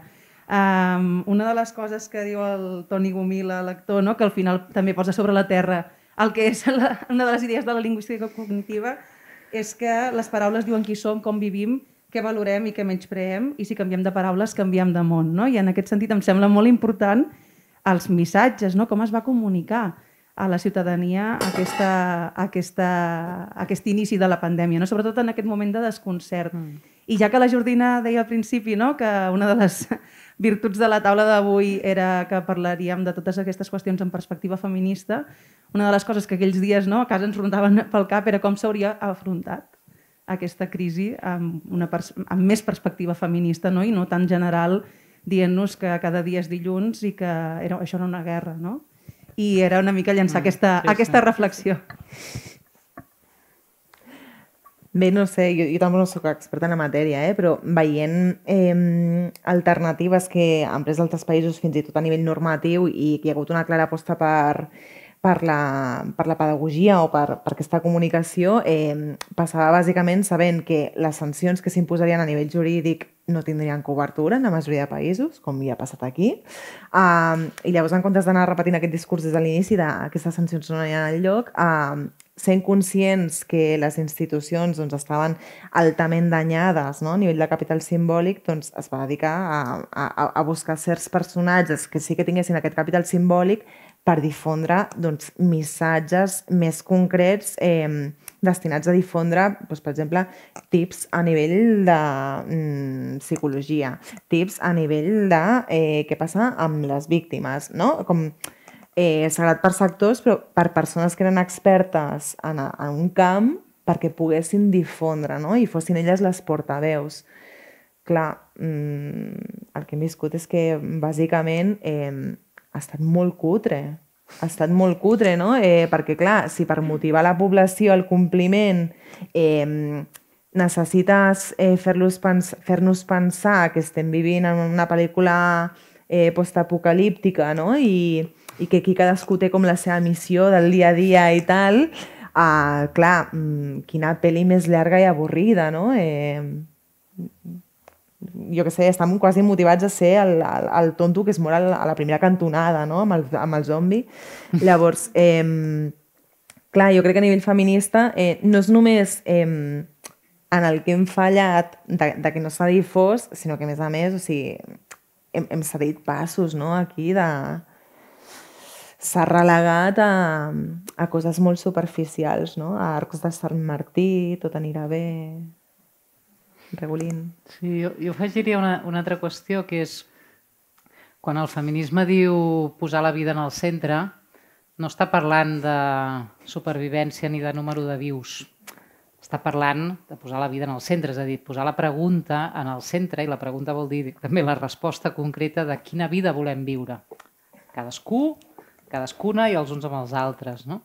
I la guerra contra el virus només es resol amb número de morts i número de vius, número de contagiats, número de no contagiats, perquè és això, és, és una guerra fa això, no? un balanç de, de supervivents i un balanç de, de, de víctimes. Clar, quan aquí s'ha perdut no? La, aquesta visió, diguéssim, feminista que seria de dir, bueno, fins i tot en pandèmia o també en pandèmia ens podem preguntar quina vida volem viure i quina és aquesta vida que podem posar en el centre, quanta mort, de quin tipus i de quina manera pot assumir i què vol dir sobreviure. Perquè, clar, si sobreviure vol dir no viure, eh, potser tenim un problema, no? Si sobreviu... El que ha passat a les residències, per exemple, Clar. no? Clar, si sobreviure, és a dir, que no, que no morin més vells és encara torturar-los més, bueno, clar, és, és una resposta Mhm. d'un tipus. Mm, N'hi havia moltes altres, no? Totalment, i que aquestes qüestions qualitatives també depenen de, eh, del temps, no? És a dir, si tu a l'inici de la pandèmia ens dius per aquests 15 dies, quins són els drets essencials o quines són les qüestions essencials que, que necessites? Varien molt si el període són sis mesos, no? Clar, clar. I amb això tampoc no hi ha hagut una evolució en el, en el discurs, no? de que amb el temps van canviant les necessitats. Puc no sortir al carrer durant 15 dies, però mm, si m'hi quedo atrapada dos mesos, doncs segurament les necessitats hauran canviat moltíssim. Sí. I sobretot que hi ha mesures que no són avaluables com els tocs de queda, Total. confinaments, és a dir, que a dia d'avui tu preguntes i, i no existeix en lloc, l'administració catalana almenys no té en cap punt recollit quins són els beneficis o no d'aquestes mesures. Per tant, hi ha un seguidisme i una aplicació que a la pràctica tu no pots acabar jutjant, ni determinant, ni valorant. I per tant, no pots modificar ni perfilar. Se'm sent? Sí, d'acord. Eh, jo crec que també un, el col·lectiu també més desprotegit i que ha rebut eh, violència han estat els infants, els joves i els nens. És dir, han estat... El, el, no no s'ha pensat prou amb ells, no? Eh, al, al començament de la pandèmia doncs, ens, els eh, van agafar i cap a casa, per exemple, no? I molts, molts, eh, molts infants es van trobar en situacions molt, molt dures, no? I que ara a l'escola es continuen eh, trobant en situacions molt dures, ha, ha canviat molt, no?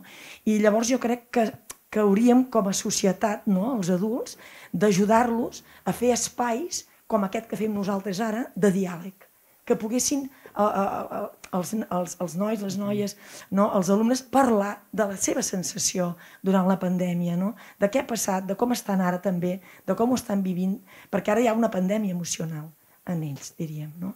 És a dir, no sé si, si m'he explicat prou bé, però jo crec que, i també hauríem de fer, crec, un diàleg eh, des del de món rural i, i el, el món de la ciutat amb els joves, no? És a dir, que hi haguessin intercanvis, de vegades fem intercanvis eh, a Londres i fem intercanvis eh, als Estats Units i està molt bé fer-ho, clar que sí, no?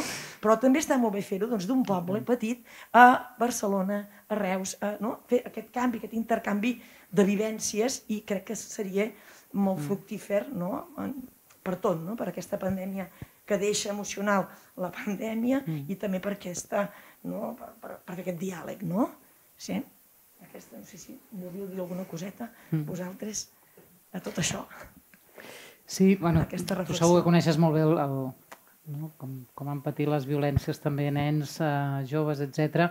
Jo sense arribar, o sigui, sense arribar al nivell de la emergència, ja sigui per raons de violència, ja sigui per raons de, de salut, penso que el que ha passat amb els infants, però sobretot amb els joves, perquè s'ha allargat molt més, és a dir, els infants encara va ser el primer confinament, però després es va dir no, no, tot el que sigui escola obligatòria, tots cap a l'escola. Va ser controvertit, hi havia qui havia estava d'acord, qui no. Però bueno, diguéssim que es, va, es va entendre que hi havia un espai que, que havien de, de, de, de tenir fora de casa per moltes raons. De, d'aprenentatge, però també de convivència, de salut, etc. Però els joves, és a dir, de batxillerat en amunt, o sigui, de postobligatori en amunt, sense arribar a aquells que efectivament estan patint trastorns de salut mental o de violències o de pobresa o del que sigui. És a dir, els que serien el que el sistema considera normals. És a dir, que no els ha passat res que hagi activat una trucada telefònica ni un res. És d'una violència el que, el que se'ls ha fet? És a dir, o calleu i no molesteu, o sou criminals o sospitosos de perillositat, ja sigui perquè feu festes i contagieu i no, i no respecteu allò que ens protegeix a tots, ja sigui perquè cremeu contenidors, ja sigui perquè hi ha bronques al carrer, ja sigui... És a dir, qualsevol visibilitat pública, allò que parlàvem abans, no? de on poder estar junts, mm, on poder estar els uns amb els altres. Ara invocaves un lloc així, doncs, bueno, com aquest, tants d'altres no? que es podrien fer. Uh, se'ls hi tanquen les extraescolars, se'ls hi tanquen les aules. Evidentment, totes les feines que directament han quedat més tancades són aquelles que més eh, fan o feien els joves, no? des del món de l'hostaleria, les, les feines precàries, etc etc. Aleshores, clar, i aleshores es redueix a pobrets, eh, no poden, un any sense anar de festa, pobrets, s'han perdut el seu primer any d'universitat, pobrets, és el de menys. El problema és que el missatge que els dona la societat és no contem amb vosaltres per res. I, i si us sentim gaire, eh, doncs això, no? Repressió, acusació, criminalització... I fixem-nos com ha canviat la, la, la, la semàntica mateixa de la paraula els joves. Quan, quan ara en un mitjà de comunicació sentim els joves, sabem que vindrà un missatge de perill. O de, o de, o de, o de salut, no? o, sigui, o, de, o, de, o, de vic, o, o victimitzats o criminalitzats. Ostres, jo penso que precisament en una ocasió com aquesta era dir, escolta, nois, no anireu a classe, no treballareu, no sé què, però sou, sou, sou el, el, el, no el futur, sou el present d'aquesta societat. Per tant, tots al carrer, tot, tot, o sigui, mm, anem a pensar des de vosaltres les respostes, no? Anem a pensar des de... I això és, això és sentir-se part d'un món, no? I d'un i llavors segurament passaran coses que no són el que els que protocolitzen la vida esperen. Però clar, jo crec que hi ha hagut o sigui, un missatge d'indiferència que és l'altra cara de la por. És a dir, una societat que no té futur no suporta els seus joves perquè precisament són aquells que, no? que, que, que, que, bueno, que tindran les eines per, i la, el desig i les ganes i la, i la mala bava, si cal, de, de, de, de, de, de construir-lo no? i de lluitar-lo i de batallar-lo. I això per mi és dels aspectes més, més greus que, que, que està passant en, ja no en, el, en la primera emergència, sinó en tot el que s'ha derivat d'aquest any. I s'ha minat, la, o sigui, ja veus a, a, a molts joves, no només estan malalts, és que estan tristos, estan apagats, estan... A... És que el missatge és contundent. I perquè aquest oblit eh, deliberat és d'alguna manera eh, el caldo de cultiu per generar un boc expiatori d'aquí molt ah, poc temps, ah. no? Perquè, o sigui, ho hem vist ah, en algunes por, protestes, por, no? En Pablo Hasél, que és com qualsevol cosa pot encendre una flama de desesperació social. O sigui, en aquest sentit, eh, penso que és algo força deliberat, que no és un, no és un descuit, és, és una ignorància és deliberada, sí, no? No molt deliberada. I pel que fa als infants, jo penso que a aquestes alçades ja, ja es pot dir o ja es pot entendre que un dels motius pels quals van tornar a les escoles al juny quan quedaven tan pocs dies era per assegurar-nos que estaven mínimament bé, no? Mm. Eh, estem en un país en què hi ha entre un 20 i un 25% d'infants que són abusats sexualment. Llavors, clar, eh, com que normalment els abusadors eh, són persones molt properes a, a les víctimes, no? i estem parlant de dels familiars més directes, calia assegurar-nos en quin moment es trobaven. No? I jo crec que aquí també eh, és com per pensar a quines són les múltiples aportacions que fan les escoles no? i que fan els educadors eh, en l'acompanyament d'infants, que no és només un lloc de, de guarda no? i d'inserir coneixements, sinó que, que, que, que ens han fet falta per certificar que, que estaven segurs, no? que, que no havien estat agredits o certes condicions de materials com poder tenir dinar a taula. Sí, sí, sí, sí o poder exacte. tenir per anar, vull dir que partim també d'aquest espai. Um, no sé, recordo que si algú vol fer... És que al xat hi ha com comentaris valoratius de dir que molt bé, que gràcies i responen algunes de les nostres intervencions que els han agradat, però en si no, no he llegit cap pregunta, he anat mirant. Llavors... Hola, a mi m'agradaria, eh, amb el que deies la Carla en algun moment, com l'aïllament social i abans de la pandèmia és una eina per l'exclusió, ara encara s'ha vist molt, sobretot pensant en elles, no? I ha crescut moltíssim. Hi ha enquestes que diuen que durant aquest temps moltes dones, eh, mares de família, han dit que la seva única relació, la, la seva única xarxa eren els serveis socials. Aquesta eina d'exclusió, perquè s'ha convertit en una eina d'exclusió, l'aïllament social, creus que anirà més? O o també amb aquest capitalisme que estem... En el fons és dir si el capitalisme anirà més, no? Si, és que l'aïllament social és una de les eines més destructives que hi ha i s'ha vist per totes les seves repercussions i ha crescut moltíssim. Creieu que anirà més o no ho sé? Carla. com, com, com a mínim el risc de que sigui així és evident, no? Perquè eh, en una època en què hem necessitat més recursos en tenim menys o tenim els mateixos i per tant eh, es poden començar a donar situacions de pugna fins i tot, no? De, eh, si hi ha X places i hi ha X més 1, què passa no? entre les usuàries de serveis també? Llavors, eh, clar, aquí tenim un, un caldo de cultiu molt important també de, des d'una òptica doncs, en què es creuaran, eh, per exemple, a qüestions més enllà de la classe, doncs, també de, de, de l'ètnia no? o de, de la procedència i que a mi em fa com certa por de, del que pot haver-hi en aquests espais perquè és un equilibri que sempre ha estat prou fràgil i, i clar, els llaços de sororitat que es donaven abans que eren a través del contacte no? i que fins i tot part de la recuperació es donava en grup, això s'ha perdut, no? Eh, tenim tots els elements sobre la taula perquè així sigui, com a mínim. Sí, jo he afegit, o sigui, la pugna per recursos, la, la pèrdua d'espais comuns, jo vincularia a les, bueno, les transformacions de l'àmbit del treball, que ja, evidentment, ja venia d'una llarga tendència no? cap al... O sigui, precarització i teletreball van molt junts. Hi ha un teletreball de rics, diguéssim, no? que és el que pot estar on vulgui enviant els seus, no?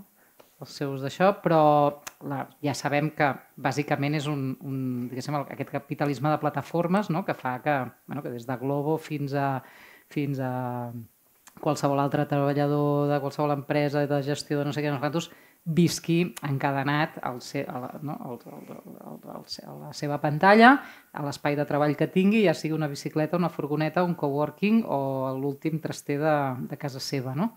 Per, una altra, per tant, tot això també és una tendència a l'aïllament, es recomposaran els, tot, el, el, diguéssim, els equilibris de, de metres quadrats, d'espais, de, això ja s'estava veient no? a tots els uh, pobles, ciutats, etc. Quins seran els espais de treball que realment compartirem i quins no, quins seran de pas, quins seran de punts de connexió, quins seran d'entrada i sortida, i els llocs on està, que és, és allà on passen més coses que les que estem fent, vale, estic aquí treballant, però a més doncs ens saludarem i passarà això, passarà allò. No? Doncs tot això va quedant, també, també és pèrdua de recursos en, en aquest sentit, i, i després depèn del el factor por. O sigui, l'aïllament no només és tota, totes aquestes mesures, sinó en quina mesura també un, bueno, una percepció de que qualsevol factor d'incertesa és un element d'amenaça, que jo penso que això ja també venia de lluny, amb la cultura de la seguretat, de no sé què, amb la pandèmia, amb la crisi ambiental, amb el, la precarietat, es va accentuant, és a dir, si tot allò que no saps ben bé com anirà és perillós, per tu, pels teus, o, per la, no? o pel poc que tens, o pel molt que tens, segons com ho percebis, encara es tendeix més a l'aïllament. Aleshores, jo penso que això són tot, tot un ventall de factors que dibuixen aquesta tendència, però també precisament perquè la dibuixen ens donen les claus de per on eh, podem situar-nos a, a lluitar-hi en, en contra, no? perquè que sigui una tendència no vol dir que estigui... no és cap llei natural, com dèiem abans, són polítiques, són decisions, són números, són partits polítics, són bancs, són fons d'inversió, són especuladors, són, mm. som nosaltres, i són, aleshores, bueno, tot això penso que s'ha de situar en aquest, en aquest present concret i, i en cada cas posar-nos a veure com, a, com ens hi relacionem, no? Sí, i ara m'has fet pensar mm. una altra cosa important que, que no hi havia caigut, que és um, un fet molt protector mm. en, en les violències en l'àmbit de la proximitat, mm uh, és la vigilància informal. Mm. No? I és una cosa que hem perdut mm. molt perquè les trobades casuals eh, pràcticament han desaparegut. Mm. No? Aquestes converses uh, que d'alguna manera posen el termòmetre entre nosaltres de com mm. estàs, no? però com estàs de veritat, sí, sí. que et donen l'espai com de entreveure mm. que l'altra persona no està bé, mm. doncs perquè tens l'espai suficient perquè encara que et digui no, tot bé i tu, mm. eh, que tu saps que no, que realment no està bé, clar, tot això és mm. una cosa que, que hem anat perdent, no? I és com superimportant. Mm. A veure, llegiré si alguna... Bé, tot són aportacions d'agraïment i, i comenten... Bé, ja els llegireu, oi? Sí, sí. Ho prometem, sí, sí, sí. ho prometem. Prometem que llegiré perquè no, més, més que res per donar més espai, si ha hagut alguna altra pregunta. I tant, I tant que sí. I si no, jo vull fer una aportació. Un moment que Sí, és o conversa, eh? Sí, que m'està venint molt al cap i és que estic cada dia al Parlament fent, eh, des de periodisme, treballant en l'àmbit polític i és molt fort que després de tot el que hem parlat aquí eh, estic reflexionant tota l'estona que s'està intentant configurar un govern sense tenir en compte cap d'aquests debats tan bàsics que hem dit. És a dir, és com si tot el debat de configurar govern viu al marge de totes sí. aquestes realitats que nosaltres hem definit aquí, no? com si realment la política, és que no només és que estigui allà al Parlament, és que està en una altra esfera i viuen en un altre món, perquè, mm. ostres, com donem resposta a tot això? I qüestions tan bàsiques està pensant, ostres, com és que no estem apretant més? Nosaltres ens intentem, revertir, o sigui, ens intentem treballar cada dia des del periodisme, però també penso des, des, des del carrer. O sigui, hi ha molta gent que està patint moltíssim, hi ha gent en ERTOs, vull dir, una situació que després de l'estat d'alarma no sabem com acabarà de quedar, i en aquest sentit eh, hi ha molt poca protesta. Bé, des del periodisme ja ens apuntava que una de les claus era la que comentava abans d'entrar, que són aquestes prop de 150 cadires de, de càrrecs de confiança, no? Sí, Eh, això no es mourà. No, això no, es, això no es mourà i llavors, clar, aquesta gent, pensen, doncs, la gent de, dels ERTES, que, que, que s'esperin que els que no podem perdre la, la plaça som nosaltres, no? I jo crec que, que, que se m'acuden poques maneres de denigrar més les institucions des dels representants polítics, no? Eh, llavors, en aquest sentit jo estic com molt enfadada, molt, molt, molt enfadada perquè penso, eh, després de tot el que hem passat, de, no? com, com bé deies abans, de, hem anat a votar en unes condicions extraordinàries, tal no sé què, eh, com haguem de tornar a votar, potser sóc la primera que està cometent actes directius davant del Parlament de Catalunya, saps? Perquè eh, començo a... O sigui, Desespera, sí. de, desespera, però és que a més a més hi ha, una, hi ha un tema en, en la criminologia que és el tema de, de les oportunitats delictives i la, te, la teoria de l'atenció social, no? I és com, la paciència s'ha anat esgotant per aquest camí, no? I és com, eh, al final, ja que estem parlant de representants polítics, com si fos una, una feina, no? Una feina en si és com, se suposa que és per altes capacitats, no? Vull dir, jo vull un procés de rendiment de comptes. Sí, sí, clar. No? O sigui, a mi em demanen que sigui una professional capacitada per descobrir si s'estan donant violències o no. Pues jo vull això pues, en un altre espai, no? que no és el meu. Així d'enfadada estic. I no perds de somriure, però... Podria estar més enfadada. En plan Lisbeth Salander de vegades. No, però si més no, vull sí. dir, és, és, és curiós que al final em sento jo a mi mateixa repetint cada dia que és el Consell per la República i és, ostres, a veure, clar, és que estem cada dia parlant del Consell per la República i és com, la desconnexió és evident i, i aquí és quan em ve el cap de dir quins són aquests espais doncs s'ha de trucar a la porta i dir, ei, aquí al món. És que ho tornarem a fer, però no és demà, eh? Ho tornarem a fer. Vull dir que és com... Quines condicions materials calen Sí. per sostenir que aquest demà, quan sigui que arribis, pugui fer alguna cosa. No? Eh, no sé, penso que eh, aquest idealisme màgic en el que vivim no? i en aquest debat de discursos buits parlamentaris doncs ens toca ja no sé, omplir-lo una mica més de- d'aportacions concretes. I d'accions. Però em feies pensar que passar d'allà on som No, és pel, és pel és violència, no? és violència. Vale, no, no cridaré en micro, que seria molt lleig. Um, Carla pensava, pensar d'allà on som, com deia la Marina abans, de l'aïllament total i de la desarticulació social al delicte, a mi personalment em costa bastant. Llavors, se m'ocorren escenaris de participació social o de eh, reivindicació social com a les properes eleccions ja, per favor, d'una vegada, si plau, desobeir tothom i demostrar-los i dir-los que no creiem en aquesta democràcia, no? perquè és una democràcia realment inexistent. Una democràcia que el que ha obviat més, com ara mateix deia la Marina també, Jordina. Ah, acabava amb Mina. Tot, Tot, tot, tot aquí. Tantes marines. A la selva acaba amb Vina. Uh, com, deia la, com deia la Jordina, està en el Parlament i s'obvia en tot moment l'espai de cures. Primer perquè no hi ha diners, perquè no hi ha diners invertits ni en serveis socials, ni en educació, ni en sanitat, i ha quedat totalment al descobert, com heu dit, la part qualitativa, perquè no hi havia recursos, no hi havia mitjans. Llavors, cuida't, sí, però com, amb què, quan, amb qui, si estem aïllats els uns dels altres. No penseu, eh, us convido les dues a, a, a que em pugueu respondre, que cal que ens tornem a rearticular, primer individualment, perquè un desmuntament important, però després socialment, col·lectivament, i passem algun tipus d'acció, algun tipus de reacció, perquè el nivell de dormiment amb tanta crisi, perquè si econòmicament eh, patim, tampoc tenim espais per a veure'ns, per a trobar-nos a la terrassa ni enlloc, eh, i tornar a muntar alguna cosa més enllà de, és a dir, tornar a ocupar el carrer, tornar a fer un 15M, tornar a fer alguna cosa, ni que sigui parlar amb l'amiga i mirar-li els ulls i mm. tornar a, a parlar d'utilitzar-nos. Mira, de, deies que estàs com que, que està molt lluny del delicte i et deixem el micro un minut més i estem amb una inducció a la sedició, no? Perquè eh, estem en una situació una mica complicada a nivell de drets fonamentals. Eh, per suposar, no? Jo crec que tenir la capacitat de concretar coses, ni que siguin petites, crec que és fonamental per desencallar la, la situació, no? Perquè si no continuarem sent esclaus de lemes buits, de lemes que no volen dir res, que ens anem repetint els uns als altres i a nivell de corporativisme xulo d'esquerres ens anem de, de conya, no? Perquè és com ens sentirem super tranquil·les aquí. Llavors, jo crec que potser hem de pensar un pas més, o sigui, tenint en compte que eh, és fonamental que ens cuidem i està bé una mateixa el nostre entorn per fer qualsevol cosa mínimament duradora, no? perquè si no, eh, més enllà de l'espurna que pugui generar, eh, s'esgotarà molt ràpid, crec que ens cal algun pla per començar també a mirar una mica més de l'espai on estem atrinxerades, que són les cures, no? És com aquest, que és el, pràcticament el nostre últim reducte.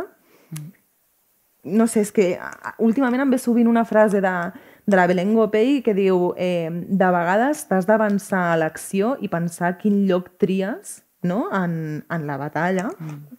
no? fa servir un terme bèl·lic, però en la batalla, i que no sigui només de defensa. Mm. No? Perquè jo penso que si en algun moment no girem al taulell i pensem què fem amb les peces que ens queden, ens quedarem pensant en que no ens matin el peó i l'alfil, no? I és com, sí, sí. com, com, com apostem per tenir més, no? I jo no vull estar parlant només de, de que estiguem bé, sinó que tinguem unes condicions materials dignes que vagin molt més enllà. O sigui, és que la sedició cap als mitjans de producció, no? Vull dir, eh, ens cal conquistar un poder que crec que també ens molesta tenir. Que no és un petit poder, és un gran poder, no? Com si pensem en assaltar les institucions, que no sigui una qüestió simbòlic de pujar-nos en una reixa al Parlament, sinó que sigui pensant també en com aconseguir que les persones que ocupen les cadires doncs, siguin representants dignes. Has passat del delicte a la representació molt, molt ràpidament. Autora del delicte. Soc advocat. No, jo estic, jo estic molt d'acord amb, amb que si... Bueno, és el que deia abans, no? com per exemple amb això, no? quan un partit d'esquerres només li queda parar el feixisme és que no té res a dir, no? ni res a proposar, o quan i a vegades també dic que si només ens queda cuidar-nos acabarem sent cures pal·liatives. Clar. Aleshores, bueno, sí, és clar, quan que ja bona. estem en en la malaltia terminal, doncs, bueno, però, la, però mentrestant s'ha arribat a, aquí, no? Aleshores, qui fa mal? Qui fa, quins, qui fa mal a què, no? Eh, quan parlem d'aquest capitalisme de la devastació, ja sigui territorial, social, psíquica, econòmica, personal, vale, mm, podem protegir, curar, defensar-nos, etc, protestar, però, com deia ella, com ens avancem a, a aquesta acció, no? com fer que no sigui possible que aquest dany sigui comès i al revés, crear unes altres condicions per a un altre tipus de vida. No? I com a mi em preocupa molt, per exemple, que mm, tota aquesta deriva tant en la literatura com en la indústria mm, així cinematogràfica i tal, que és, uh, és bàsicament utòpica o distòpica. Només hi ha o utopies o distopies i ens encanten, eh? tots enganxats. Aquí tu abans parlaves dels zombis i tal, i tots estem enganxats a utopies o distopies. Però clar, quan l'única imaginació possible que estem compartint en aquests moments a través de la cultura, que és això, és igual, des de la sèrie més barruera fins a la cosa més sofisticada. És, són utopies o distopies, és que no sabem connectar el present, això que estem vivint ara, amb cap acció que se'n derivi, ja no dic de futur, sinó que se'n derivi, amb, amb les seves pròpies conseqüències. L'hem de desconnectar, no? I ens projectem en mons que no mm. són ben bé el nostre, ja siguin la projecció de les nostres catàstrofes o la, o la projecció dels nostres desitjos. Ostres, que, que, com connect, no? quan, quan vivim en la desconnexió, aquest present és només això, o defensiu o, o està anul·lat, no? està, està tallat de les seves de l'acció la, l'acció té conseqüències, no? Quan l'acció no té conseqüències, només podem fer saltar la imaginació més enllà. Jo crec que aquest és un símptoma molt clar del que, del que ens està passant. No? Aleshores, aquí anem, anem malalt... Jo crec que més que dormint anem malaltint. No? Anem malaltint de moltes maneres. Eh? Um, diagnosticable i no diagnosticable. Anem entristint, ens anem despotenciant, ens anem protegint, ens anem tapant, ens anem... i aleshores, bueno, aquí doncs això, podem arribar a la, a la malaltia terminal o podem dir prou, no? prou.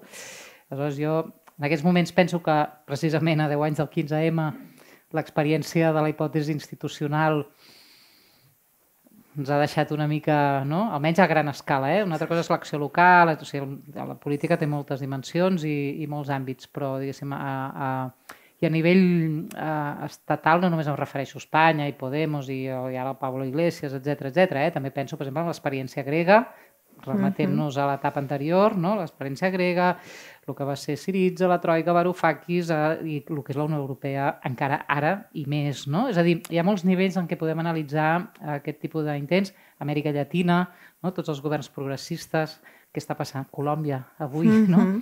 És a dir, i, i no ho dic per fer derrotisme, eh? sinó al revés, per fer anàlisis eh, situats en, en un present. Aleshores, també potser preguntar-nos quin, o sigui, no tant com entrant, en, sinó quina és la, realment el, no, la, la institucionalitat, no, les relacions allà on podem implicar-nos, que no sigui la dualitat aquesta de o, amb, o en les institucions, no sé, en el govern, estat, etc, o en el marge l'alternativa al meu grup d'autocures i, no, i el meu poble d'Asterix, sinó realment no, aquesta, que, diguéssim, portar més enllà la hipòtesi institucional, no? que, i, i més enllà de, la, de les institucions existents, és a dir, què, què, què, ens, què construir que realment ens sostingui i alhora ens transformi, no? I, i penso que és, és, hem vist, bueno, per sort, tenim elements d'anàlisi no, molt clars d'anys molt recents com per poder anar més enllà en aquest sentit. No sé si hi ha alguna pregunta més. Hola? Ah, sí. És que volia preguntar abans, però el, uh, ja hem, hem passat la, la corda. Però bueno, donar-vos les gràcies. Em dic Mònica i vinc de l'Argilaga, un micropoble que està una miqueta més cap allà. I, I a mi una de les coses que m'ha sorprès també d'aquesta pandèmia ha sigut tot el tractament que han fet els mitjans de comunicació sobre, sobre, sobre per exemple, les dades, que mm. si a l'hora de dinar doncs, ens assèiem i sumaves, hi havia dies que no havia mort ningú, hi havia dies que havien mort quatre vegades el, el dia anterior, no? Llavors, una mica, i ja que tu també ets periodista, doncs, a veure si ens bueno, pots ajudar, uh, quin, quin futur espera a la, a, a, a la comunicació respecte a, un, a uns esdeveniments així, perquè realment eh, bueno, jo crec que si no ens creiem els polítics, els mitjans de comunicació vull dir, menys, no? Llavors, no, no, clar, llavors no sé, bueno, Ara t'ha tocat a tu la pregunta. Vinga, vinga, Sordina. Clar, jo, no, jo crec que els mitjans de comunicació si són, són, són imprescindibles si estan al servei de qui han d'estar. És a dir, quan l'altre dia, no sé si vau veure el que va passar amb la directa, que van fer doncs, una portada doncs, alabant com Mercadona, no? i al final del dia, després de rebre moltíssimes crítiques, van dir no, això és el que passa quan el periodisme el compren. Clar, el problema és que el sistema de mitjans, com tot el que forma part d'aquest sistema, hi ha una gran part doncs, que es deu a, a interessos de grans marques i grans empreses que posen la publicitat i també un control polític. Vull dir, això eh, és innegable. Ara bé, jo crec que s'han de fer una defensa ferrissada dels, dels mitjans de comunicació públics perquè com els serveis públics o com qualsevol altra escala d'aquesta societat són imprescindibles per saber què està passant, per qüestionar, per fiscalitzar, per demanar explicacions. Nosaltres ho intentem cada dia. Veure, jo estic orgullosa de la feina que faig personalment. Ara bé, és cert que també hi ha unes dinàmiques, eh, per exemple, en com es cobreix la, la política, no? que és el que jo em, em dedico. És cert que hi ha unes dinàmiques molt institucionalitzades de com s'entén la política per començar i com es tracta. Doncs aquí també és on tenim feina d'anar picant pedra i d'anar parla, i anar pensant que parlar de política, i nosaltres, per exemple, al programa on treballo, Planta Baixa, parlàvem de les, dels beneficis de la renta bàsica universal. No? Perquè en un moment com l'actual és, ostres, això seria una eina, i a més a més quan el Parlament està parlant de fer una prova pilot, doncs de ja garantir una sèrie de condicions materials per a totes les persones que revertirien positivament, està demostrat en la salut mental, que és un dels problemes que tenim ara, però també que permetrien que molta gent fes coses que ara no es pot plantejar fer i aportaria socialment. Ara, aquí hi ha un conflicte d'interessos, no? Que és que qui defensa normalment aquesta renda eh, són com esquerres, anticapitalistes, tal i qual, i que hi ha tot un status quo que no està disposat a acceptar. Per tant, partint de que la concepció del món és la que és, no? i que això es reprodueix en tots els espais, això també ens passa als mitjans. Ara, jo penso que, com tot, podem criticar el sistema de salut, podem criticar les escoles, però al final darrere això hi ha professionals que estan cada dia intentant fer la, la, la feina bé i sobretot revisar-nos i intentant aportar doncs, des d'altres perspectives i mirades i evitant que hi hagi angles secs, no? Tu també sorties... Mm. La Marina també participava al programa i justament feia una secció que, que es deia angles secs i sempre posava com la, la mirada en aquells espais socials o en aquells entorns en què no hi ha el focus. No? Com avui, això que estem fent aquí, no? estem defugint del focus, no estem a un CCCB, estem a un museu de la vida rural. Doncs posar la mirada també des de tots els espais d'aquestes múltiples realitats. Bé, no sé si m'he explicat o no. No hi ha una resposta única, és, és molt complicat. És tot un gran engranatge i d'aquí també la importància de garantir mitjans independents públics i també doncs, lliures que puguin fiscalitzar els públics. Vull dir, la combinació seria l'ideal. I nosaltres, jo crec que dins el que cap, doncs, el que fa els mitjans públics catalans, tenim sort. Vull dir, si mirem el contingut de les televisions privades, o sigui, la diferència és, és, és aberrant, eh? el tractament de qüestions bàsiques de la vida. Vull dir que el pes que hi tenen les grans empreses privades és molt més elevat. Bueno, clar, i des del món rural hi ha un problema que és bàsic, rural que és de concepció difícil. del que és Catalunya i ja no parlem de països catalans, clar. Sí, sí. Això és un debat a, a, resoldre. I els sectors econòmics també, vull dir, hi ha una vida, hi ha, o sigui, el sector primari no està representat tampoc com hauria d'estar-ho. Sí, sí, hi ha, hi ha unes diferències, o sigui, es mira el món des d'una perspectiva molt des concreta i des de... Bueno, com, per on està governat el món, no? que és aquest home de 50, 60, 60 anys, no? de classe mitjana, vull dir que es diu que quin és el prototip de persona que mou una miqueta el món i la visió que en fem, doncs es reprodueixi.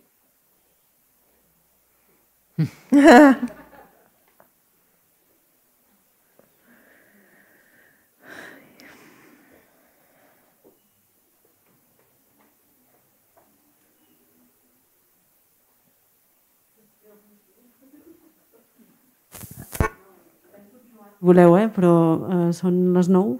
Eh, em sembla que encara hi ha toc de queda, no? Sí. sé que algunes de vosaltres heu d'agafar el cotxe i anar a pobles que estan a una certa distància, perquè el món rural té això, no tenim metro. I jo vull agrair-vos molt a totes les que sou avui aquí, a tots els que sou avui aquí, especialment també a, a la Marina, a la Carla i a la Jordina.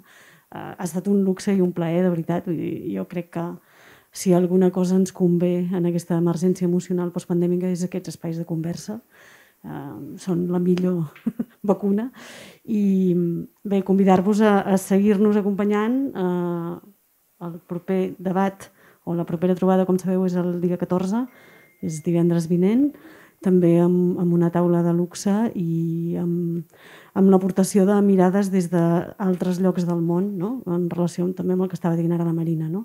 Aquesta necessitat de saber que, que el planeta en el que vivim és molt petit i que un dels, dels grans aprenentatges és que, que el que està passant a Colòmbia ens toca molt de prop. No? Um, ens trobem aquí divendres que ve a la mateixa hora. Moltes gràcies i moltíssimes gràcies a totes tres.